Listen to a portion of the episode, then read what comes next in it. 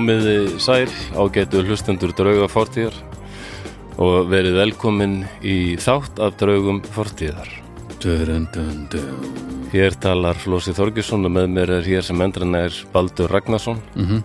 Þetta er merkilegur þáttur því að þetta er svona alvöru þáttur. Nei, hvað? Þetta er svona Já, þetta er, við erum sem sagt að koma Já, úr pásu pásunni er lokið. Pásunulóki Það er bara þannig Þetta var ágætis kvíld. Já, mér heyrist það er allt annað hljóðið er Ég held að þú hefur nú ekki síður þurft á þess að halda. Heyrðu, Búin að vinna 160% í þrjú ár. já, ég, það kom, kom á daginn þegar eh, við fórum í pásuna Já, Þá fann ég hvað ég var búin að gjörsalega ég gjörsalega búin að segja nokkur á þessu og það kannast margið þetta. Það er ekki Já. fyrir maður fyrir frí þá fattar maður allt í nú, já, vá, á þessu þurfti ég að halda. En já, ég, ég kolrángstæður, alveg, ég var búin að gera mig svona, svona út þannig eins og maður á ekki að gera og ég, já, ég fatt ekki fyrir en við slökuðum að svo sko. Nei mynd, tankurinn var tómur, í honum tómur heyrðist og- bara hólur ómur. Já. Eh, Wow. Já, Nei, og bara, það var að passa þetta sko já, það þarf náttúrulega að passa þetta. að að þetta, já, þetta er skrítin þreitt það svona, þegar maður svona, Já, finnst þér ekki? jú, að ég var alveg, ég var alveg verið miklu þreyttari sko, þetta var bara, bara Já. svona eins og búnaðurinn virkaði bara ekki Já, já, ég þekki þetta. Þetta er alveg hellað sko. og eh, það er svona er, ég, ég myndi nú ekki segja að ég sé búin að kvíla mig en, en, en allur annar en var sko. Já, oft þarf ekki mikið sko. Þetta er eins og þegar maður er að keira út á þjóðveginum og maður finnur fyrir sifju, þá bara, Þetta er eins og það maður er að gera þú já, vinum og þá að verður sér við já, já, þá er bara leggja út í kanti og leggja sig kannski í 20 mínútur. Já, já, já, já, já. Maður er miklu betri. Já, ég er búin að leggja mig döðu myndur, það var ekki nóg sko. Nei, en, en satt sko held ég, ég held samt að ég hef svona bara svona, hvað ég segja ég, ég held ég hef bara svona sett tána inn fyrir það sem fólk er að tala um þegar það er komið í svona raun kulnun og þannig já, já, ég held ég hef svona daðrað við það en ekki jú. farið ólinn að því fólk er náttúrulega bara einhver ára jafna sig og eitthvað já, já. þetta var svona, ég var svona aðeins að daðra við það, Þetta er það alveg alvöru vandamál. Gul- já, gulur, og núna eru einhverjir gamlir hundar að núti en það, það við hugsum ekki um það, þetta er alveg hella Já, þetta er alveg vel rannsaka dæmi. Ég hef aldrei bara upplifað- að Taka þetta alvarlega. af því ég, ég hef unnið of mikið mjög lengi og ég hef aldrei upplegað neitt þessu líkt sko. þannig að þetta var mjög áhugavert og, og alveg glatað en eh, ég er bara fegin já, að hafa ekki verið hafa spottað þetta áður en alltaf komið í, í þrótt og ég þurfti eitthvað Ég er alltaf- Ég er alltaf í þessari tilfinningu. já, Ég, ég, ég er bara fættur með síkölnun. fættur með síkulnun það er ekkert annað Já, mér finnst ég alltaf vera bara kulnaður. Sko. já, allavega sálinni Já, já, já. það er okkur sko Sálin er kulnuð. sí, sí, sí, kulnuð Þetta er mjög, mjög lýrist. sí, sí, kulnuð úti Uh, já, um, en uh, þú veist hvað ég er að fara að segja þér, hverju ég er að fara að segja þér frá. Þetta er svona þáttur sem Patreon liðar. Já, þetta er sem sagt þátturinn sem að sem að var kosið um að Patreon fólki fyrir svolítið síðan Já. og svo náttúrulega fóru við þarna með st- stuttum fyrirvara í, í pásu þannig að nú erum við að standa skil Já. Já, Eh, Það voru þrjú atrið, það voru svona eh, þrjár frægar sjóorustur. já, Þetta var allt aldrei mikið í fortíðinni. Fyrsta var nú bara orustan við Saramis löngu fyrir Krist Já. sem ég veit nú bara ekkert um sko. Æ, ok Þannig að Ég get ekki sagt mikið meir um það. Já, þannig að að fara, það, var ekki kosið svo Nei, svo var orustan við Lepanto sem ég veit alveg heilmikið um sem ég jætvel nánast vonaði er því valin. Ok. En, þarna, hún held ég hafi lent í öðru sæti. Mhm. 1570 og eitthvað var hún. Það vona að hafa undirbúið réttan þátt hérna, Já, já, ég gerði það. ekki? En svo var það spænski flotin ósegurandi 1588 Já, The Spanish Armada Aha. Kannstu við hafa eitthvað hýrt þetta áður? já, já bara, bara að, en ég get ekki sagt þér neitt um þetta En þú er eitthvað hýrt samt. Já, já, maður hefur heyrt bara bara hvernig spátn hefur, en þú veist, spátn um, bara í gegnum tíðina sko. Já, og Spanish Armada, þetta er það, þetta er einhverjum lögum og eitthvað líka. Eða það? Já, Sabaton gert lagum þetta pottet, kannski? Alveg pottet eða meiten. En margir, já, Sabaton, það er margir að benda það, ímislega sem við um í þessum þáttum. Sabaton er búin að gera lögum. Við getum bara að byrja á fyrstu plötunni þeirra Það er sem sagt Tekið bara Sabaton er sænst þungarsband sem Já, einbeti sér að sögulegum textum og ekki síst sko einhverjum svona orustum og Já. látum. og eru svo vist algjör ljúmenni og, opaslega vel tala um þá svona, Já, já, ok. svona sem einstaklinga sko Já, og en risastórt band sko sem er svo- svolítið fyndið, þetta er svolítið Já. svona eins og þetta er svolítið eins og ef Ramstein var að vinna í Nexus þetta er svolítið þannig væp þannig að þetta er Oh. þannig að þetta er mjög áhugaverð dæmi sko Já, í sammálaði það, það væri Ramstein í Nexus. Það Ég myndi geggjað. oft væri í Nexus. Svo. Til lindi man bara, you want DVD, DVD, dum, dum, dum. Dungeons and Dragons. Yes, das Það eine. Dungeons and Dragons. Já, já, já. ó, Ramstein. En já, þú ert að fara að segja okkur þarna, Já, þetta, ég held að við höfum heyrt um þetta út af því við erum svo nálat Bretlandi og undir svo ofsalega breskum áhrifum. Við kannski Íslendingar áttum okkur ekki á því hvað Bretland, við höldum að við sem svo miklir Amerikanar og bara, Mhm. en Bretland hefur haft rosaleg menningarleg áhrif á Ísland, finnst mér. já. Bara, um, til, já, Hversu lengi? Gamlir kallar sem voru á sjó in the 60s já, satt mér sko þeir voru að fara til Grimsby og Höll og, og kaupa þá fullt af einhverjum bítlaplötum og svona og koma Já, með heim og svona. Já, já, já, já. og hve- hversu lengi hefur Bretland haft áhrif á Ísland? Já, bara alveg heil lengi, nokkur hundru ár myndi ég segja. já, já, já. Við höfum nú fjallað um hérna til dæmis skreiðarstríðið í Grindavík. Þar börðust englýtingar og þjóðverjar, en englýtingar er alltaf verið að þvælast hérna. já, já, náttúrulega sem stutt að fara og, verslun eða verið með sjórán og vesinn og, já, já, og komið hérna í Þorskastriðinu, hernámu landið okkar. já, já.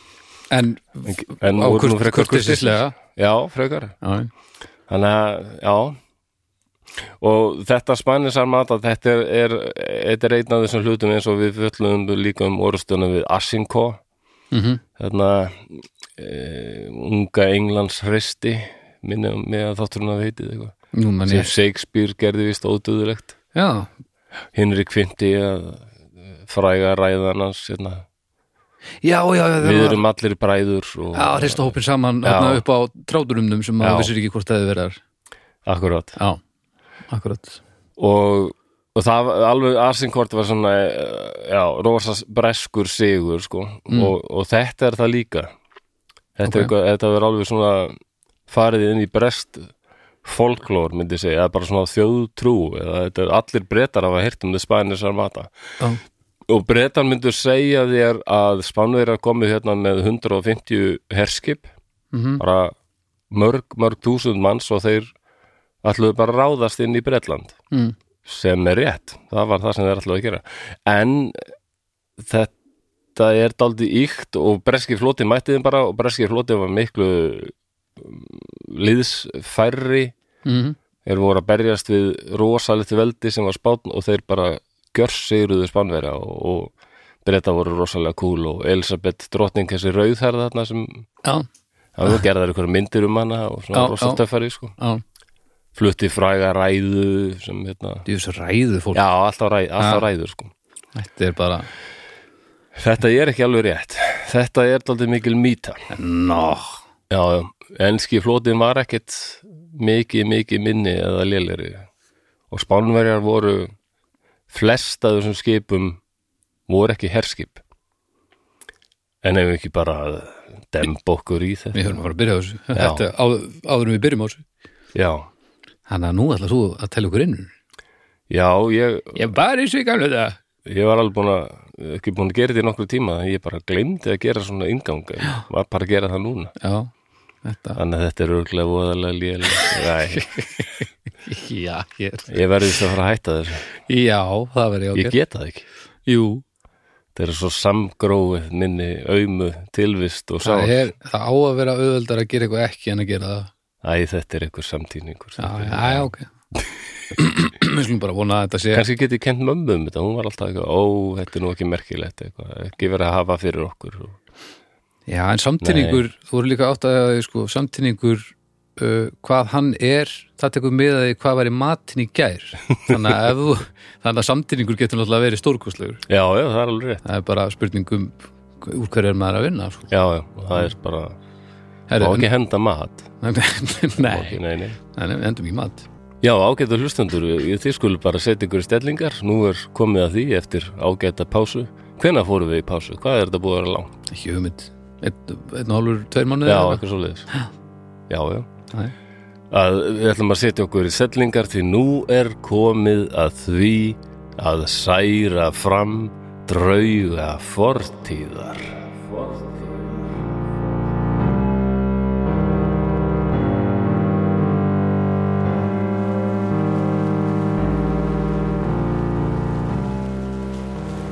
Á því herrans ári 1588 lofaður sé Guð og erindreki hans hér á jörðu hátegn Fílip annar af Spáni. Ferðin hefur tekið langan tíma. Byrðaskipin fara svo hægt yfir. Í tvo ömurlega mánuði höfum við verið á leiðinni frá Spáni til Englands. Ferðin er blessuð af hans heilalega sjálfum Sixtus í Páfa en ég get ekki varist þeirri hugsun að hans mikil fengleiki hafi mögulega ekki lagt nægilega mikinn metnað í sín Guðs orð. Ég, ég má ekki hugsa svona, en ég er hreinlega ekki vissum að almættið sé með okkur í för. Við höfum til dæmis hreft hryllilegt veður sem hefur skemmt nokkur skip svo voðalega að þau þurft að snúa við. En það erfiðasta er þó eftir að mæta heiðingjunum, englendingum. Þó þetta sé menningar snauð rippalda þjóð, þá kunna þeir að sigla skipum og sveifla sverðum. Blóði mun verða útelt á báða bóa. Ensku skipin eru nú fjarrri okkur en sjáanleg. Það kemur ögn á óvart að þeir skul ekki ráðast til atlögu. Ég gæli við þá hugsun að þeir séu mögulega hrættir við styrk okkar. En Filip þekkir englendinga vel og sagði mér að slíkan luxus myndi ég ekki búa við. Englendingar eru í eðli sínu árásargernir og blóðþyrstir. Þeir njóta sín best er þeir geta pintað, myrt og drepið. Þannig hafa þeir meðhöndlað trúsískin okkar í landið sínu og pyntað bæði konur og menn og jafnvel börn fyrir það eitt að hafa hina einu sönnu trú í hjörtum sínum. Í nafni mannúðar og kærleika Guðs munum við láta þessa trúvillinga komast að því að slíkt lætur Filip verndari hins katholska heims ekki óáreitt. En þetta er ótrúlegt. Nú gera englendingarnir það sem öllum spænskum flótafóringum er kent að forðast. Ekki stilla skipunum upp í fylkingu og snúa skipsliðinni að óvinninum. Hvað gengur þeim til? Nú skjóta þeir úr fallbissum sínum, en þeir eru þó enn ofar langt í burtu til að skott þeirra drífi til okkar. Eða hvað? Ógnvekjandi þitur heyrist í kúlunum. Hann magnast og ég átta mig á því mér til skelvingar að kúlurnar drífa vissulega til okkar. Það er lenda á skipum okkar. Mastur á skipinu splundrast og treflýsar þjóta í allar áttir og ógnar hraða. Menn rekk upp öskur er flýsarnar sökva djúft í óvarið holdið. Ungur liðsfóringi fellur til jarðar nálægt mér. Hann grætur og kallar á móðu sína. Andlit hans er þakið blóði. Í höfði hans er stór flýs sem hefur sokkið djúft inn í annað auga hans. Og hann verður ekki bjargað. Nú ríkir algjör glundróði. Menn öskra af sásauka og það blandast öskrum þeirra er gefa skipanir. Ódögn af púðri og blóði fyllir vit mín. Orustan er hafinn.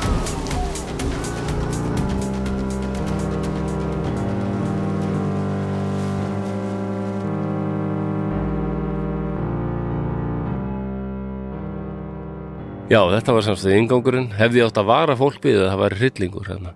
Nei, Ég hef heyrt að það sé alveg 10-11 ára börn að hlusta. Þetta er náttúrulega óhugnaður.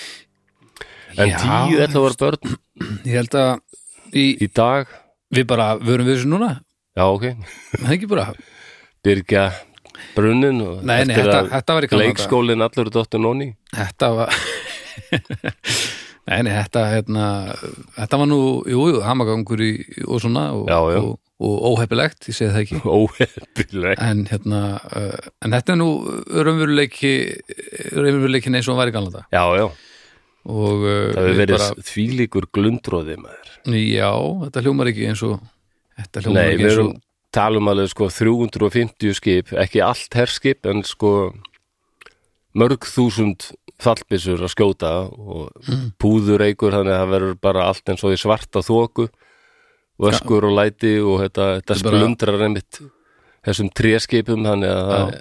þeitast svona flýsar í allar áttir. Þetta er bara gamláskvöld í logni sinnum svona hundrað. Já, eitthvað svoleiðis.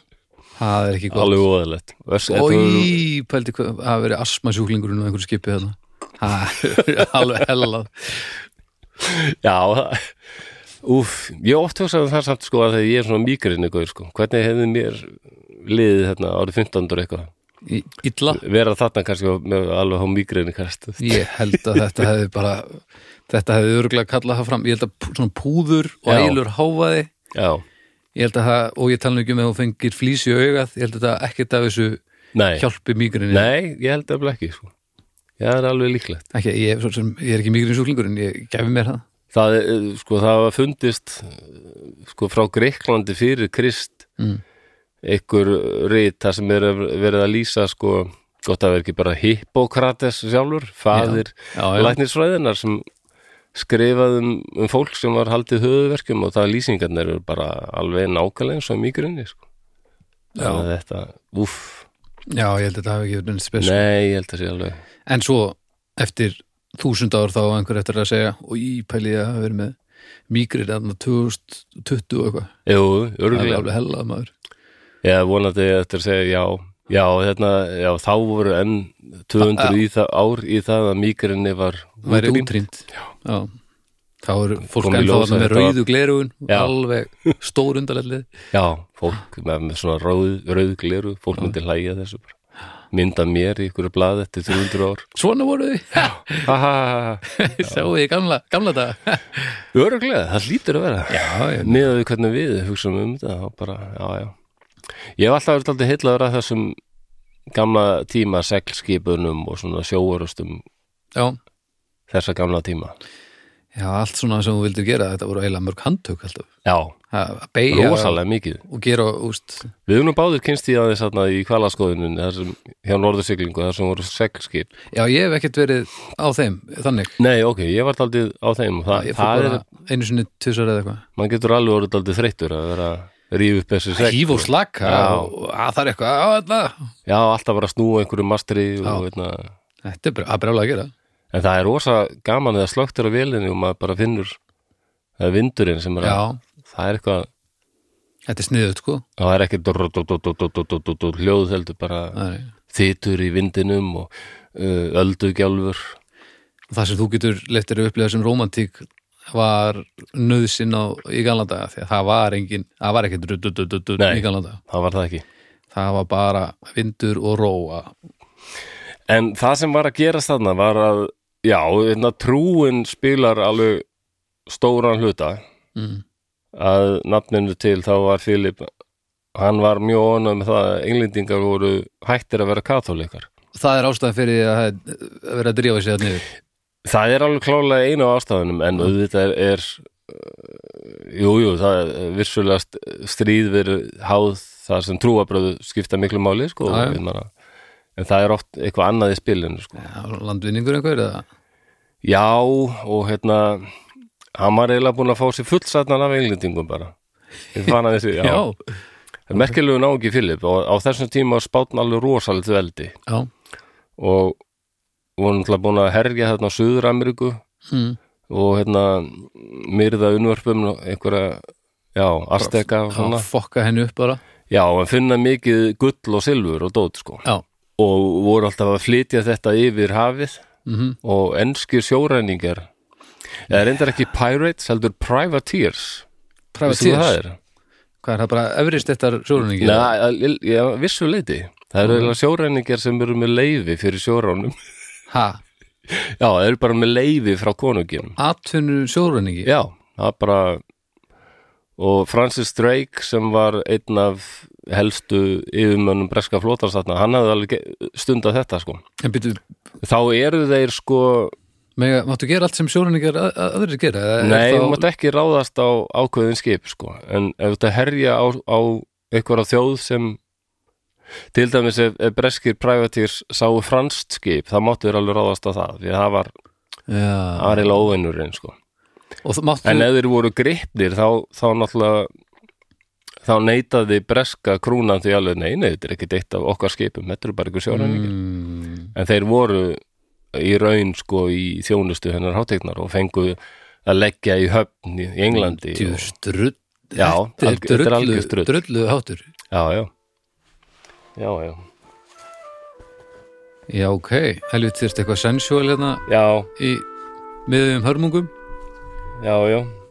Æ, ekkert, sæl, ekkert silent á þessum bæ. Þetta er síminn. Bara, ú ég uh, þetta, er- Ó, þetta er vekjarinn Já. Það komdu með Er þetta vekjarinn? Vaknaðu flósi Vaknar, er þetta til að vekja því satínslopnum? Eh. Ha, Já, já, Ó nei, það komin tíma já, já, akkurat og breyti minn býður tilbúin með morgunpípuna og, og teð Ekki of krylla og ostæða Ó, já mm.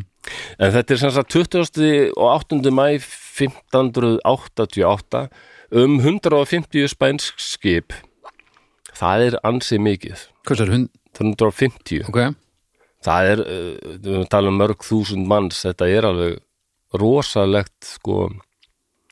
Þetta er á umfangið eða gífulegt fyrir þennan tíma. Já, þau leggja stað frá Lissabon á leið til Englands. Og á þessum tíma var Portugal sko tilheyrir Spáni. Akkurat. Og bara margt fleira. Það var bara næstu í allur ítalauðskæi tilheyrir Spáni, mm löndi Norður Afríku, Suður Ameríku Já, Uh, Eyjarnar hann að Sigilei og Korsika minni með, jú held ég alveg örgulega þeir ok. Það að spáta rosa veldi sko. Allavega, já, búið að búið Ma að Markmiðið var það að bara sko að flytja innrásalið yfir Ermasund. Já, Það var ekki sko það að finna breska flotan og rústa honum. Ekki að fara í sjóorustu þetta er bara fólksflutningar bara, Já, og, og herskipin sem fóru þau, þeirra hlutur eitthvað aðalega bara að passa það sko. Já, já, já. Það var alveg tugir þúsunda manna sem átt að draga á okkur um prömmum yfir Ermarsund sko. Og ráðast inn í England bara. Ok, hrekja Elisabetu drottningur frá völdum mm og gera Bretland aftur á kathólsku landi. Já, já, stórblöðun já og þetta eru tvo mánuð á leiðinni Ok, sem er skils mér sko óvinnur langt. Ok. Um, Hva, Hvaða árstíma eru að tala um? uh, þetta er uh, á vori. Þetta er að í voru lók mæ Ok, en hérna bæði var þessi ferð kannski ekki nægilega vel skipulögð en svo bara óhettnin sem eldi þá var ekki eðlileg sko. þeir hreftu alveg rosalit veður. Ok. Og, og svo veittu englendingar harða mótspyrnu og eins og ég sagði þetta er alveg svona kyrfilega greift í breska þjóðarsál. Mm sem dæmum hetjulega baróttu Bretlands gegn mesta sjó og herrveldi veraldar á þessum tíma. Já, já, já, já. Sem voru reyndar, þetta voru aðalega einhverju pramar en það er kannski já, ekki- mikið, já, það er, þetta er alveg mýta að spænski flótin hafi verið sko, Já. eða með einhver svona þetta, en hann var hann var fjölmennur sko, þetta var alveg alveg óg, brettar voru englendingar voru, þeim leist ekkert af blikuna sko, Nei, en þetta voru kannski já, já, en svo eh, hugsa sakfræðingar náttúrulega það, en hvaða áhrif hafði þetta, breytti þetta einhverju? Ber ekki öllum saman um það sko. Ok. Um, sögumir breskir sakfræðingar segja að þetta hafi verið fyrsta stríði þar sem áróður spilaði til dæmis á sannlega stóra rullu. Ah, og þarna hafi Bretlandsson tekið sín fyrstu spóri átti að því að verða sem þeir urðu setna bara mesta veldi jarðar og er, eru í sögunni bara eitt mesta veldi breska heimsveldið bara Já. eða átti bara eitt þriðja eða meira sko af Já, þetta var, allri jörðinni. þetta var helviti helviti stórt á tímabili. Já, og þarna hafi Brettar aðeins átt svona flokknara núna. Já, það er það. Aðeins, En það er nú bara, ég var í heimsáttjáður um daginn og það var sýstiðin, hún Helga, sem Já. bjó í England alveg í 7-8 ár. Já, og hún var bílus og ég skuttlaði henni heim. Og við spjöllum heilmikið um Bretland á leiðinni. Hún var að segja þetta, það er alltaf daldið stutt í svona gamla imperialism já, já, já, we British, og það er alveg eh, líka í, að því er svo mikið verið að spá í þorskastriðunum til dæmis að Helgi Ágústsson frændi minn sem vann í sendiráðinu í Bretlandi í London sko á þeim tíma að þorskastriðin voru. Mhm. hann sagði mað, maður sá þetta alltaf í þessum gömlu köllum já, sem litu á mann sko og sagði bara how dare you, já, já, how dare you? Og sagði bara maður sá alveg þarna var ennþá sko kallar sem heldu Bretland var rosa veldi sem það var ekki. Nei, það er, og, og þetta tengist líka því að ég held að við Íslendingar áttum okkur ekki alveg á hvað fortíðin spilar svo rosalega rullu hjá mörgum þjóðum. Nei, Þorkell vinnu minn, hann bjó í Albaníu í svona tvö ár, ok. Albanska konu. Hann fór þangað einhvern tíma 90 og eitthvað, bara skömmu eftir að Albanía var laus undan oki kommunismans Jú, jú og var í efnaðslegu vesinni sem það er nú reyndar ennþá. Mhm, Ok Mm. Líðræði og kapitalismi hefur ekkert bættað allt og mikið. En, en hann, hann sagði sko þar var hann að heyra alltaf um einhverjar hetjur Eh, hann sagði til dæmis Flósi, veist þú hver Skanderbeg er? Skan Já, einmitt, ég bara, ha? Skanderbeg Albanu verða bara mjög hissa að fólk skulle ekki vita hver þetta er. Það er rosalega albansk þjóðheitja sem vann einhvern ofsalegan sigur á Tyrkjum.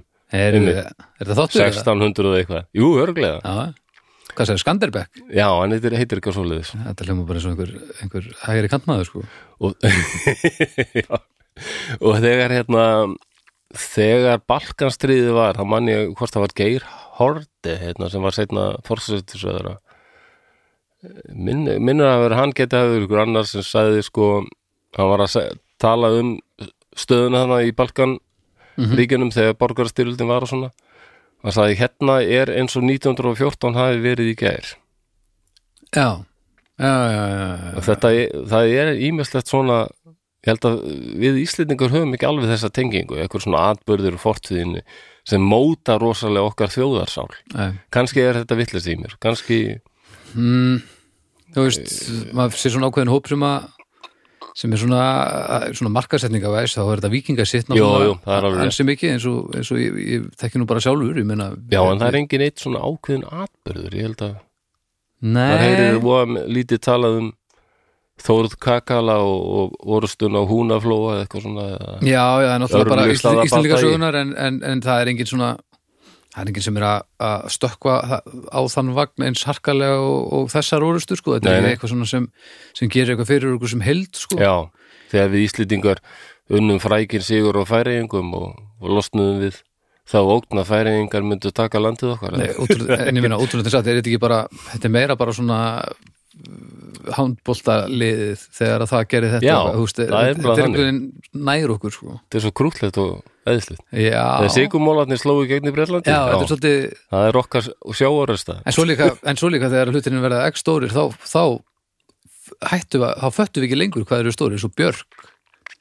Fólk fattar ekki hvað Björk er nei, stórkostlegu listamæður og merkilega heimsvísu og allt þetta. Og fólk er einhvern veginn bara, já Björk. Já, já, þetta er um Björk bara. Af því hún er sennilega, hún er sennilega það langstæsta sem er komið fyrir Ísland Já, bara, bara all, alltaf. Þú veist nei, jú, jú, ég held að ég mann þegar ég var í háskólanum og bjóð á stúdentagörðum og kynntist ég þessu mörgum útlenskum skiptinemum. Ofsalega mörg þeirra höfðu einmitt komið hingað út af Björku já. Björgu? Já, það var náttúrulega hvaða landið var fallegt, það hefði heillaðu já, já, en líka menningin, sko, tónlistin Já. Sigur Rós og já, já. Sigur Rós endar er stórt dæmi líka. Það er stórt dæmi líka en ekki Björg stórt það er bara þannig. Uh, á, uh, Þannig að, já. en já, ég, ég skil hvort að fara. Já. En við getum alveg, ég- en bara svo það sé komið veist, við erum ekki alveg sein. Við getum alveg hendi í einhverju orustu og Já, Eitthvað svona- það, við þurfum að gera það. En ég segi þetta í mitt til dæmis að við fjöllum um hernám breyta 1940 og hann Werner Gerlach jú, jú, þann, Ég held ég sé stoltastur af því öllu sem þáttum sá lestur þegar ég skellti mér í hlutverk Werner Gerlach hann var alveg voðalegur. Sendi herra að ræðismanns Þýska, Þýskalands Já. nazistinn hann var spes, Já, hann var ekki hrifin á Íslendingum. Nei, hann var ekki, ekki til í þetta Vakin um miðjan nótt eða geðveikir eða druknir eða hvoru tveggja að ringja og vilja ræða málin. Þetta hljómar eins og, eins og við. Skrýll. Það er hægt að kaupa almennlega kjóla hérna og já, þetta, er engin almennlegu bifjölavirki eða pípulating það er alltaf, var alltaf. Hvað var þetta ekki þáttur fjögur? Jú, það er alveg fyrstu þáttunum sko. já, já og allt niður, niður á við bara síðan já, En ég hugsa sundum sko það hefur bara verið langt best fyrir okkur. Þjóður hefur þetta ekki Ísland.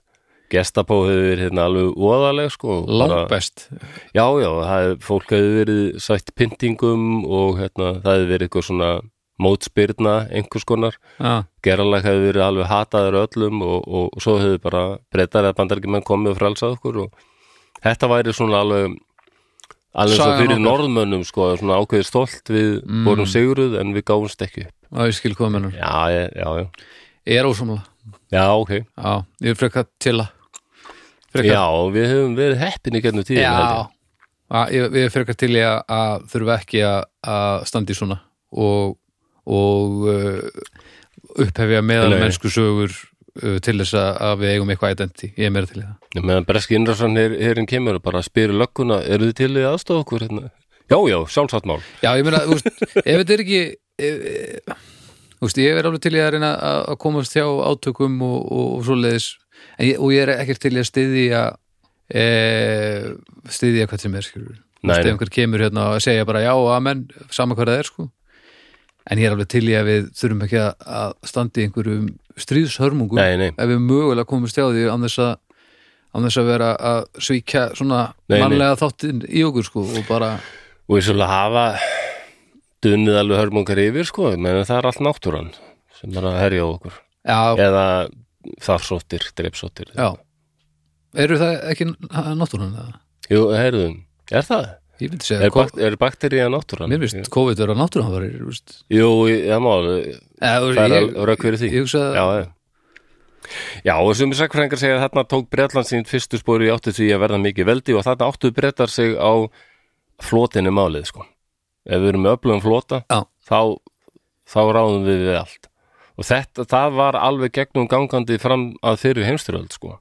Já, Að, að já. En þá voru margir fættar að segja, nei, flotin er ekki málið lengur, það er flugherinn. nú erum við að, já, færum okkur upp. Og, og aftur komum við öðrum þætti sem við fjallaðum, það er orðstannum Bretland, það sem ég saði frá honum Hugh Dowding sem er svona, að liggur við eina mínum hetjum og ætti að vera meiri hetja í Englandi mm.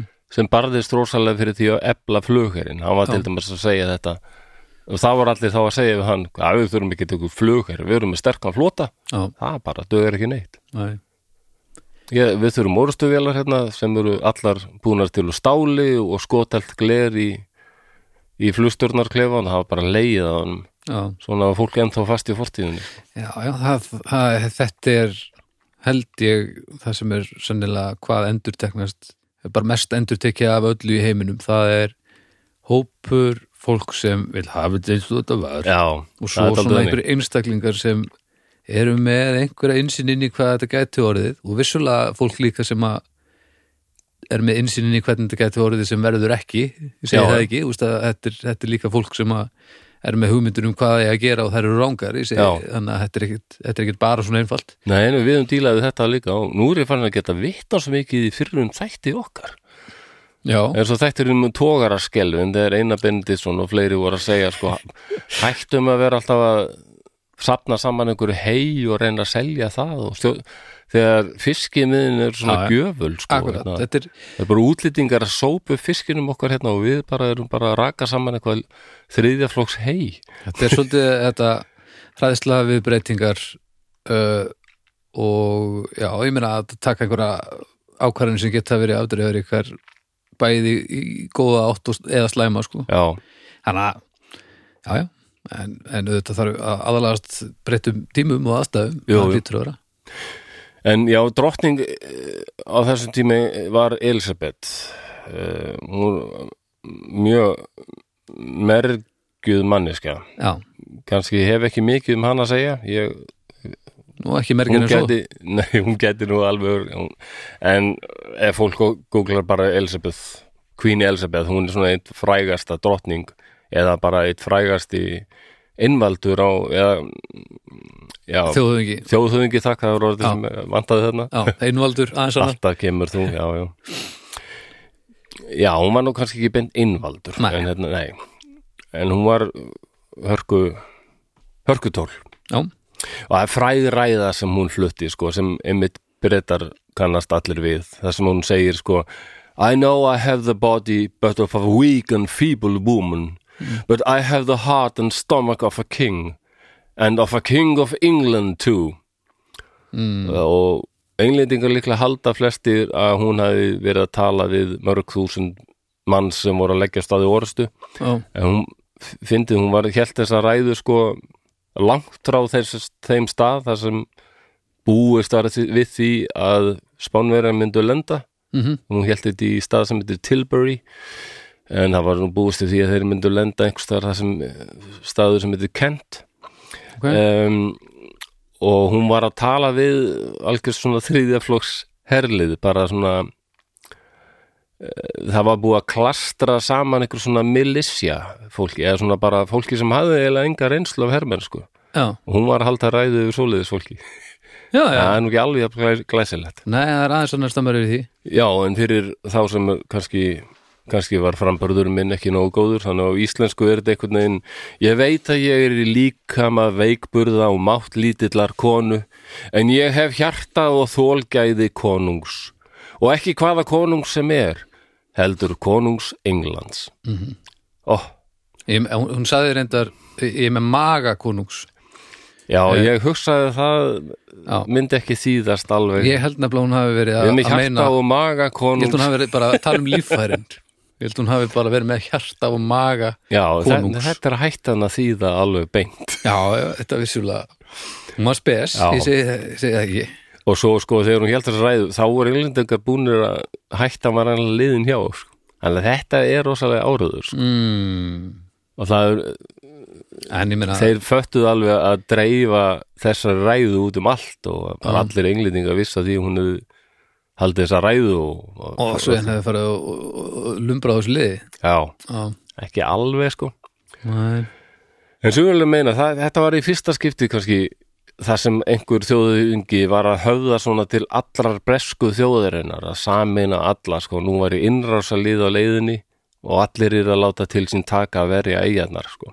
hvernig dreifum maður svona árúriði á þessu Já, það er góð spurning, það var náttúrulega komin prenttækni, að plaggött já, það er ekki ólíklegt að eitthvað svoleiðis hafi notað, en ég held að bara word of mouth hafi bara, sagt, orðurómurinn hafi virkað mjög vel líka. það er sennilega besta vopnið sko En til að líta á munin á Englandi og Spánið þessum tíma, þá það var þótt að spátt væri ríkt, þá hafði þeir reyndar allt þetta ofsalega gull og silfur og demantar og dót sem þau fengið frá Suður Ameríku mm -hmm.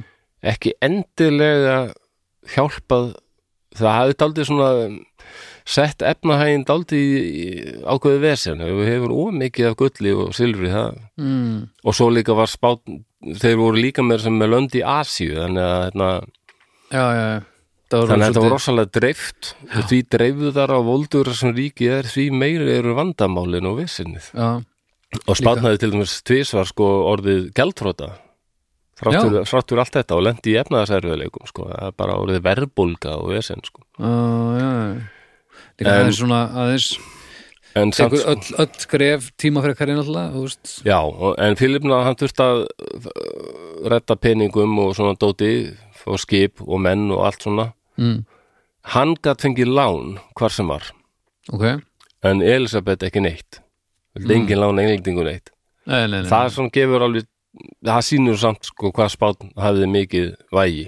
Já, hann, eins og ég sagði, hann var, hann var ekki bara kaþólskan, það var þetta, hann var búin að fá nóg af þessum sjóránum. Mm brettar höfðu nú alveg í svona áratug herjað stanslust á spænskip sem komu fulla af verðmætum frá Suður-Ameríku.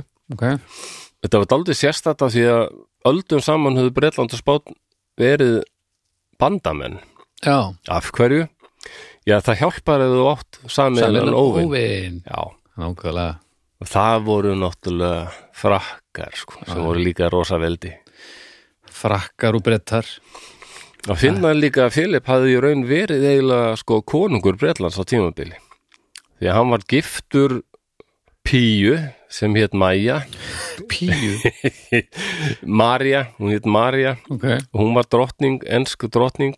Og hann varð svona ég heldur kallið Júre Uxoris konungur af því að hann var giftur henni þá var það neila hálfpartin konungur Bretlands líka þótt hann væri Spánveri og konungur Spánar. Júró Uxoris. Júro Uxoris er að kalla það já. Já, ok. Já, konungur vegna þess að hann er giftur Já. þjóðhöfðingjanum sem Já, er já, kona svo giftist inn í, í Já, og það voru mikil viðskipti höfðu verið á milli þjóðana, hefðar fólki báðum löndum mikið að kipta krakkana sína til Englands eða Spánar. já, William, þú verður að byrja með þessari fallugu spænsku prinsessu þarna. Það er allir að gera þetta. En það var daldið sko vesen sko að hérna að Elisabeth var ekki eh, reynd sko þessi ma ma ma Maja fyrsta þarna sem hefur gift Filip mm henni fannst mótmælendur vera leiðilegt lið af því að þeir trúðu öðruvísi á sama guðin og hún trúði á. Já, já, já, já, já. Það, það var eitthvað fjúsin í gangi. það fannst henni alveg næg ástæði til að brenna alveg svona 400 manns að báli og, og afsækja fólk og hvernig trúðu þú á guðin okkar? Já, bara svona, já, nei, þú ætti að trúa svona á hann. Já, já, Nei, mér er skemmtilega að trúa svona á hann. Nei, ok, Ah. brenna þig það rétt að mér elspín til pakkan Þetta var þetta í tísku þetta í gamla daga. Já, Það var já. mikið þessu það sko var mikið tekið þessu. Og þurfti greinlega ekkert mjög góðar svona ástæður. Veist, það þurfti lítið til að bara, já, já, Nei, katholikar, mótmælendur sko. Já. Og svo komu múslimar setna sem trúa líka á sama guðin og kristnir, það vil nú sundum gleymast. Já, það gleymist, eh, það er náttúrulega bara vill aldrei koma upp á yfirborðið af því að Nei. það er allir svo hellaðir. En þeir trúa mjög mikið öðruvísi og þeim finnst til dæmis Kristur ekki að vera sonur guðs hann, hafi bara verið svona mm spámaður, merkilegu maður sko. Já, en ekki sonur guðs, það er bara rugl. Já, og það eru kristnir ekki nóg annað með þannig að þess Nei. hafa kristnir og múslimar mikið verið því að drepa hvern annan. Svo hafa múslimar líka verið mikið því að drepa hvern annan líka. Að þeir eru með tvo hópa sem trúa öðruvísi já. á alla þannig Þetta er nefnilega skilur hvað ég er að segja baldur að þessi, þessi veröld er geðveikra heili Já, við þurfum bara þú veist, eh, ég heyri hvað þú ert að segja. Já, en mér heyrir það. að það sem við ættum að gera er að búa til okkar leið til þess að trúa á sama guð og allir hinnir ég held að að einu í stöðunni. Ég og þú flósi settist niður og við skulum búa til okkar trú en það, en það ekki bara? en það gerðist það ekki hérna á Íslandi með skelfjölurum afleðingum það voru gauðra sem byrjuðu með eitthvað sem heitir súistar Jó, en þeir voru það, aðeins það fór kannski allt í klessu. Það var svona aðeins kannski frálsleira en jú, just, ég er að tala með eitthvað svo leiðis en við megum það alveg sko, spagetti í skrimslið til dæmis. Nei, það er, upptekið, það er tekið sko. Það, er það komið hingað? Nei, ég veit það ekki, nei, ég er að tala með við búum bara til Já, bara eitthvað sér þú veist, En við höfum nú, ég er nú alltaf ég hefum nú alltaf en óðinn minn, mér finnst hann alltaf þinn? Hvað, ég held nú að ó, þú veist ekki eitthvað uppáhaldsgaurin hans óðins.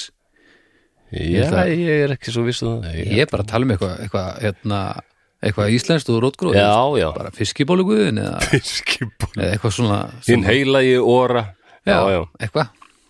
Eitthvað með tómatósu En nú heldur kannski fólk að þessi María sem var mikið því að brenna mótmælendur sé sama María Queen of the, Mary Queen of the Scots mm, sem Elisabeth let reyndar drepa seinna sko. þetta er topplega og ég veit ekki hvort að fólk kannist við eitt besta Monty Python sketch allra tíma þegar John Cleese og Graham Chapman mm, eru í svona dragi eins og þessu 50 eða 60 ára gamlar konur mm inn í stofu og eru að hlusta á BBC og það kemur hefur ekki heyrt þetta? Það kemur bara and now a new episode eitthvað, The Death of Queen Mary of the Scots. Kemur svona dramatísk músík og svo bara eitthvað rödd sem segir Are you Queen Mary, Queen of, are you Queen Mary of the Scots?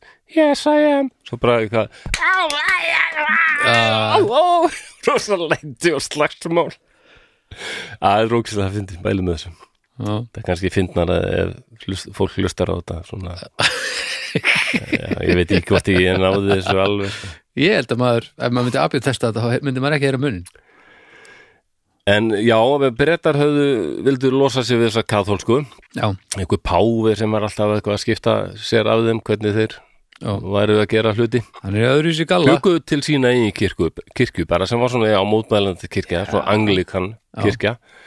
Og fyrst voru þau bara með fín við katholika og sagði bara, já, að þið ætla að vera katholikar áfram. Já, já, það er allt í lagi, við, við bara chillum með það. Ekkert stress, ekkert stress krakkar. Já, en þau gerðu það út af því að þau voru svo vissum að, að fólk myndi sjá bara katholska trúin er drastl og þetta er miklu betra. Nei, svo gerðist það ekki. Nei, þetta þá og var Elisabeth aldrei fúl og hennar fólk. Og nýja trúin. Já, og þá var daldið farið svona, herðu, þið eru nú búin að vera katholikar ansi lengi, er ekki komið tím til að hætta þessu? Mm. Nei, ég vil en þá trú á Æ, hver er aftur munurinn? Jú, það eru dýrlingar. Það er líka súpan og heilu Marja Guðsmóðir. Mikið Maríu beist er það ekki? Já, Já, já, og hérna og þá að farið daldið svona þrýst á fólk eða farið nú hætta þessu. Og endanum að farið að ofsækja fólk og, og pynta það og drepa það já. fyrir að vera áfram katholst og Filip var ekki hrifin þessu, hann var með trúaður mm og leita á sig sem svona verndara í hinn katholska heims. Það svo sögu, já, já, það sjálfsögðu. Bara mikil mennsku brjálaði eins og já, það er kalt hannislegt að hann hafði eiginlega verið konungur Englands, hann hafði verið töluvert í Englandi. Mm. og að því að talið er vataldið bara eiginlega daldið hlýtt til Englands. Ok, sérstaklega kaltaðinslegt að hann var í Englandi og, og sá flota englendinga já, og var alveg nexlaður sko Býtu, þið kallið ykkur svona seafaring nation? Þið, þið, þið þykist vera eh, sjóveldi. Já. Svo eru þið með bara skip hérna sem eru að rotna. Þetta eru bara einhverju djöfis stallar. Já, hann, hann tók sér til og endurskipulaði allan berska flotan. Ah, og let byggja ný skip og endurbyggja gömul skip. Ó nei. Hann er fengið, að, séð eftir því. Hann sá örglega eftir því Ah. því að eiginlega öll þessi skip þau voru mætt setna til að berja æ. hans eigin flota. Helvítis vesen kalt henni slett sko. En hann, hann bara ekki beint kala til Englands, hann vildi bara þetta vera kathólst áfram og hún var bara með ber skilda til að koma kathólikum í Englandi til aðstöðar. Hann leita þetta bara sem mannúðar ferð. já Ég meina að það er verið að, bara ásækja katholika og drepa þá Já, já. þá má alveg færa rauk fyrir því Jú, jú, spannverjar áttu nú reyndar setna eftir að Já, já, Vera í því að ofsækja. Þetta er alltaf sama sagan. Það er annar Monty Python, annar, Vittlust larp. Já, Þetta er allt svona, annar, það er annar Monty Python skett, sko. Já, I didn't expect the Spanish Inquisition. æ, þetta er fóðalegt en það hefði svona verið já, svona var farið að styrna daldið sambandið á millið þeirra. Og eilnýtingar voru í raun farnir að búast við því að spánverjar myndu gera eitthvað. Okay. þannig að englendingar höfðu eiginlega tekið í staðin fyrir að reyna að hafa spánverjar góða mm. ákvaður að hafa þá reyða er Gera ábrála Já, svona sínaðin bara við erum það er hættulegt að eitthvað að, að fó- fokki okkur sko. Já, varist það bara. Spátn Þú Er ert ekki mamma mín. sendt einhvern leiðangur til vestur India Já, hérna bara svona auðra bara. Já, Já, já, já. Eitthvað svona landsvæði sem hérna spánverja töldu sig eiga. Átti í loftið? Já, Þetta er basically þannig. Og voru herja á spænsk skip sem var alltaf kannski Já. vest af öllu. Svo höfðu þau líka stutt. Það er örgulega ekki margir sem vita þetta mla. það er land þarna í Evrópu Mm. sem við þekkjum öll Ok, sem voru undir sem spánverja réðu. Það er Holland. Já, það er spánverja áttu það, já, já, réðu þar. Já, já, já. en hollendingar fíluðu það ekki. Ok, Þannig að þeir höfðu gert uppreist sem spánverjar höfðu uh, harkalega verið að ber, berja niður sko. Ok. Og bretar stuttu þessa hollensku uppreisnamenn Já, já, já, já. þarna komum við að fótboltanum sem tengist náttúrulega allri sögu og trúmálum og öllu og er yfir öllu slíku. Fótboltanum? Já, akkur leik leikur Holland í rauðgulum búningum þóla ekki þetta orð appelsínu gulur Rauðgulur, hvernig er það minn á Þólandi? Nei, það er æðislegt Rauðgulur? Já, því að appelsínu gulur hinn svo kallaði appelsínu gulur Já, er blanda af rauðum og gulum lit ok, því hva, bara fullkomlega eðlilegt ok, hvernig segir þá græn? Nei, það er uh, einn af um frumlitunum, hann er ekki blanda af neinum öðrum, sko. Græn, er, það það? Blá, er, blágulur og, nei, og blárauður talar um þetta allt saman býtu er grætt blanda af bláum og gulum. Já, Ó, það er svo langt síðan ég var að lita, lita með krökkunum. hvernig, þannig að græn er þá Já, það er uh, gulblár, blágulur. blágulur Já, já, ok, en af hverju vera, en af hverju vera að kalla þetta eftir, við tölum aldrei um sítrónugulan eða hérna, já, Nei, það er að því að alltaf appelsínu gulur. Já. grunngulur og En hann kallar þetta bara þá órans sem þetta heitir allstaðar það, já, en órans er appelsínu það er Já, það já, ég veit það og við erum bara að þýða þetta oh, Viltu bara Já, heita sko, þetta lands... appelsínu? Ok, en Viltu, alltaf viltu þetta heiti bara appelsínu? Allt er lagi, kvöllum þetta rauður, græn og blár. Kvöllum þetta appelsínu gula núna. ég, nenn, ég nenni þess ekki. Ég nenni ekki að standa í þessu að berja höfðinu við steinin Appelsínu. Já, allt er lagi En ástæðan fyrir því Gulur. að hollendinga leiki appelsínu gulum búningum. Þarna er það að landsfaðir Hollands mm. hétt Vilhjálmur eða William Mm. af Orange. Já, ættin hans hétt sko Orange Nassau. Já. Þannig að það er ástæðan fyrir því að appelsum gulur var byltingar litur hollendinga. Appelsínu villi. Já, Shit. Uh, það var sem sagt sko af hverju hann heitir William of Orange veit ég ekki alveg, ég held að það sé bara svæði sem heitir Orange, Ok. En þetta var svona byltingalitur þeirra skilur mm Já, ok Þa, ekki þarna kemur aftur að því hvað sagan sérst í nútímanum mm. ástæðan fyrir því að Ítalir leika í bláum búningum er út af því að þegar Ítalir voru að byrja að setja saman fótbaltalið Mm. þá voru ekkert spáið það að fara eftir einhverjum þjóðfána það var bara út í hött. Heldur bara konungsfjölskyldan. Savoy ættin. Og þeirra litur var hins svo kallaði Savoy blár. Já. Já, já, Og býtum nú, var, var ekki sama svipa með Japan uh, Konungslitinni þar var Helga ekki að en segja það tengist nú rosalega mikið eða ekki sólinni, þetta rauða táknar sólina og... Já, nei, en ég er að tala um landslýsbúninga já, þeir eru í bláu, Já. það er rétt. Og ég held að Helga er einmitt verið að tala Heyrðu, hún var að segja okkur því Konungs- blár er nefnilega ósalega mikil um konungsfjölskyldu litur litur, í, sko. í hérna Japan. Já, það er svona ákveðin eitthvað blár litur jurtir sem hérna gáu bláan lit þannig að blár var ekkit óalgengur í fatnaði? Nei, ákveðin, einmitt, ákveðin jurt sem að byrja til ákveðin bláan lit sem að var þá uh, sem, sem svona konungs keisara Alveg fjölskyldan var í.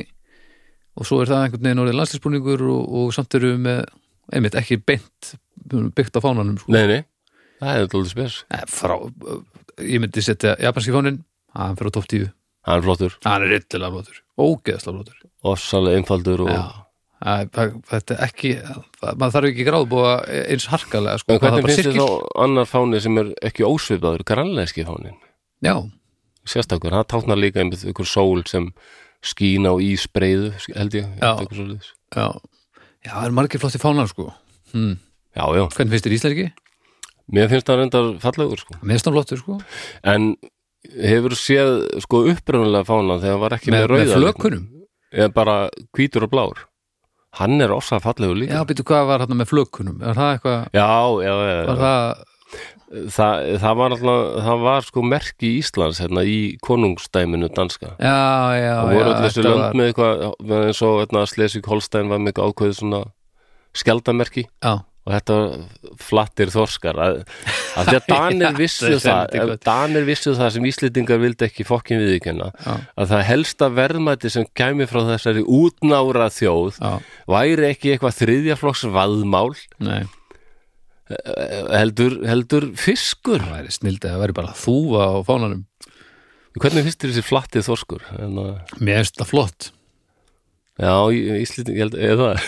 Já, veist, ég er alveg sáttur með hann sem við höfum í dag ég held að hann svona hann er flottari og, Já, en upprunalega var hann sko ekki með rauða litnum skilur Fyrsta útgáfa íslenska fánanum er bara hvítrönd og það er mjög fallegu fánan já, bara svona inverted Já, mér finnst hann fallegri.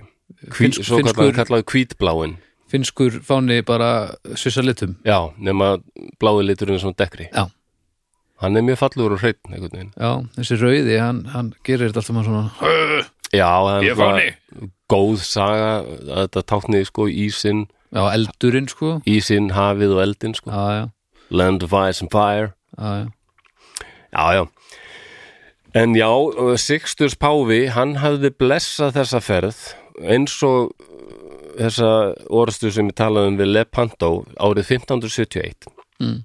Sem er mjög merkir orðstað því þá var trúabröðin spiluðu rosa rull- rullu þar. Okay. þá höfðu þessi ríki sem voru ekkit miklir vinir frakkar, spánverjar eh, feneyjar, rómaveldi mm en öll kristin þau höfðu saminast um að byggja svakalega flota til að mæta múslimum. Ok. Ottomanveldinu já, já, og þessi floti þetta rosalega sjóurastað undan ströndum, ströndum Greiklands árið 1571 þar sem kristni flotin sigræði mm. og það er aldrei óhugnalegt að fara til dæmis á YouTube í dag og, og googla Battle of Lepanto. Já, og þá er ykkur svona vídeo um það og kommentin, eða ummælin undir þau eru svo það er svo mikið muslimahatur sko. og ég, er ekki langt ég var eitthvað að skoða þetta. Það var einhver ítali sem var að segja ég er svo stoltur af því að forfiðu mínir tóku þátt í þessar orustu og ef mér býðst í dag að taka þátt í orustu gegn múslimum þá er ég fyrstur já, Þegiðu kúkur. Ítalski kúkakall. En það var ótrúleg orustá og hérna það voru kristin alveg vissur um já, guði með okkur í liði sko, gegn þessum trúvillingum þarna. Ó, ég er svo pyrraður og þeir treystu náttúrulega á það spánverjar að sama yrði núna sko. Já, já. Ávin blessa þessa ferð og bara fara til Englands og berja á þessum heiðingum Sixtus geggjarnafn Sixtus, já, vá. Sixtus hann var eins og var með, öll þessi ríki. Djöfull á hann að rekka skemmtist að Já. Skellum okkur á Sixtus í kvöldmaður ef ég hitti þessa rosa píu á Sixtus já, alltaf, sorry. já, Nei, já þetta er, er alltaf góð Hann átti að vera rekka staðin en allt í nú já, veist ok, já, En ég var að pæla í hvernig hittur hann á Sixtus? ef hann er að rekka hann er vertin sko? Allavega það er bara einhver Kalli Laufberg Kalli Laufberg á svona- þeir Sixtus? heita alltaf eitthvað svona. Allir. Willi Svanberg eða eitthvað svona heita- þeir eitthvað svona þessir gauðir sem er eitthvað skemmtist á Íslandi. Eitthvað berg sem sagt. Já, já, einhverju kennitölu snillingar.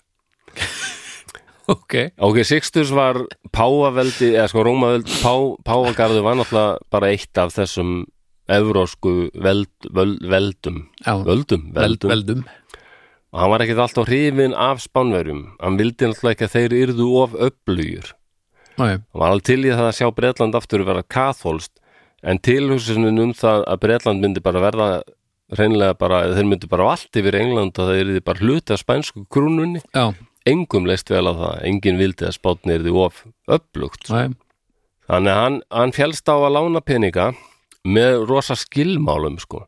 ekki fyrir en spánverjar varu komnir á land í Englandi, þá fáið þið pening Há leggja inn á þig? Já, Ó, og hann sagði líka leiðtói innrásaliðsins verður að vera eitthvað hlutlaus aðli, ekki spánveri Ha, já, Leiðtogi- já. innrásaliðsins sem átt að fara sko inn í Bretland, leiða innrásar herin ok. Þess að ég vil ekki að vera spánveri það verður að, það vil náttúrulega helst að væri ykkur ítali sko, Já, já, já sem það var. Til þess það að, að passa Alexander- að þetta verði ekki gjörvöldun eða já, þetta var bara eitthvað svona skilmálar, bara vildi ekki hafa þetta of spænst, sko. Já, já, vildi einhver hafa einhverja hönd í þessu sko? Ok. Þannig að, jú, Filip bara, já, ekkert mál, hvað finnst þér um hertóðan af Parma? Parma, Já, á Ítali, já, já.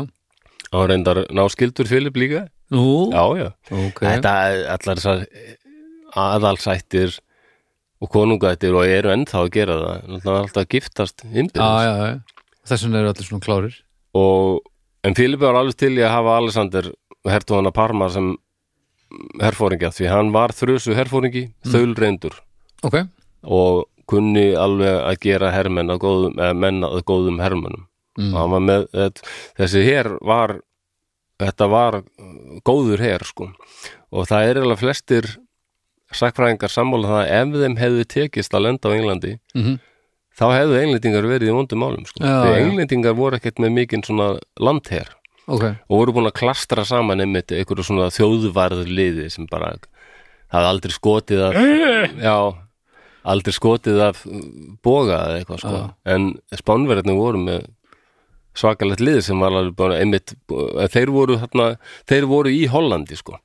Alexander, Já. hann var búin að vera að berja á þessum hollensku já, já, uppreisnar sekkjum sko, þannig að þeir voru alveg reyndir í því að sneiða hausa af, af mönnum og, og kveikja í húsum og af hverju voru hollendingar ekki til í að þeir væru þarna? Það er vera- svo skrítið, það er eins og þeir hafi bara hugsað við viljum bara vera sjálfstæðir. Já, þetta var, semst- það, það var málið, það var ekki Jú, trúarlegs jú, líka. Líka, Já, að að það voru já, mótmælendur sko. Já, já, já, já, já. Þessi trú, þetta verður alveg bara gegnum sírt söguna sko, þessi trú er bara vesen sko. Já, já, það er gott samt að það, það er ekta. Það er gott að við höfum ekki verið að að slást úr svo mikið út af einhver sem væri, hvað ég var að segja mögulega búið til að manninum? Eh, Já, segðu. Já, En það er alltaf samt eitthvað, er þetta líka spurningum auðæfi og öld líka finnst mér. Já, já, en þú veist og svo skiptir einhver máli, þú veist, sama hverju átökin eru þetta er alltaf mann búið til Já, frá einhverju mannlegu eins og ég man ekki hvað ég var að horfa á um daginn en það er ágættis punktur, þú veist hérna eru landamæri veist, Já, já. Ísland og svo erum við með þarna lönd og það eru þessi landamæri ekkert annað en tilbúningur þannig. Já, nei, nei, þau eru það. Eins og einhver benti á veist, það er yfir engin það var engin gramela sem hugsaði já ég er nú aldrei kanadísk gramela veist, það er bara þannig funkar eða já, þetta já, og þe- þessi hugmynd er með þessi nation states eða svona þjóðríki, þetta er tiltölulega ný hugmynd já, já, áður fyrir að fólk bara þegnar einhvers ákveðins valdhafa, konungs við erum bara þegnar dana konungs já, já. ekki íslendingar.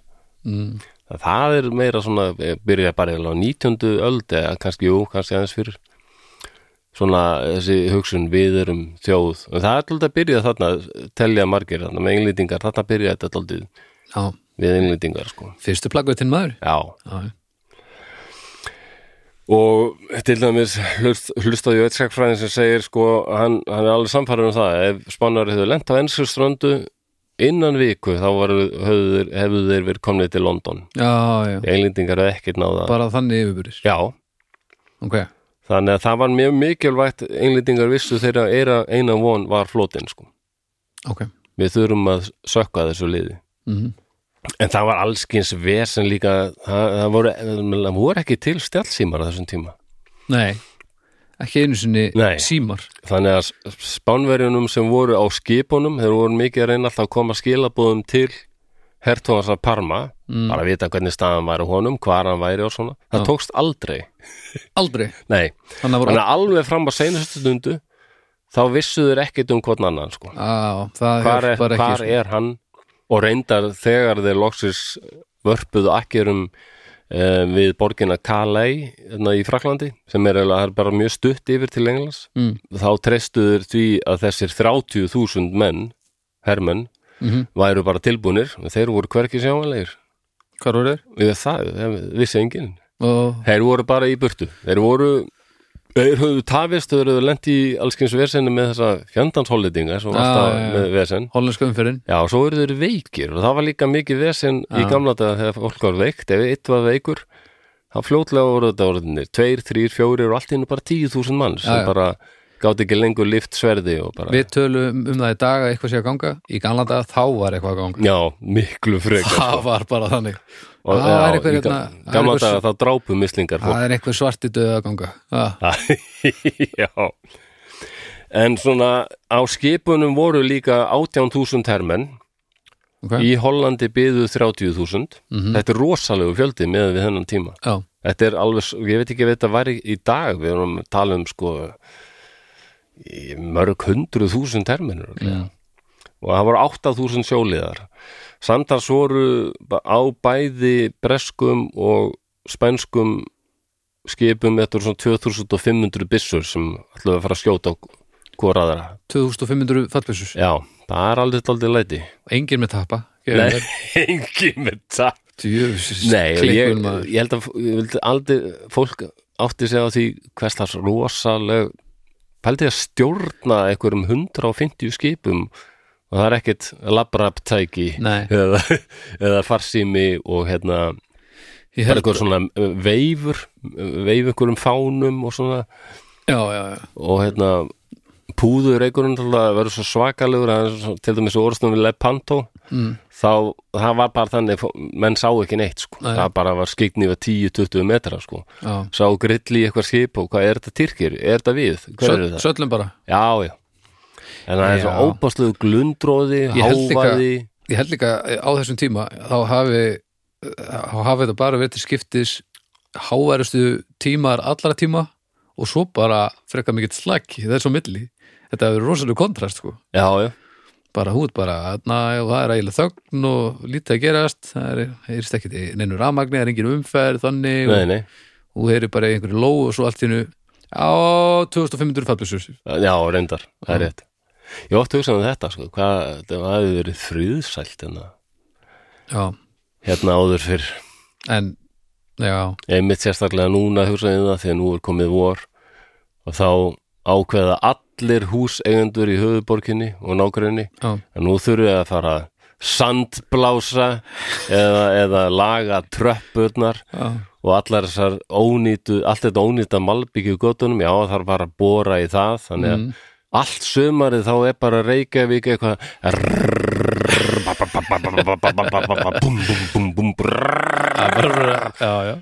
oh, og sérstaklega eftir eins og núna þetta er götturnar það eru svo göttóttar eftir ennan vetur óvinnu göttóttar myndi ég segja.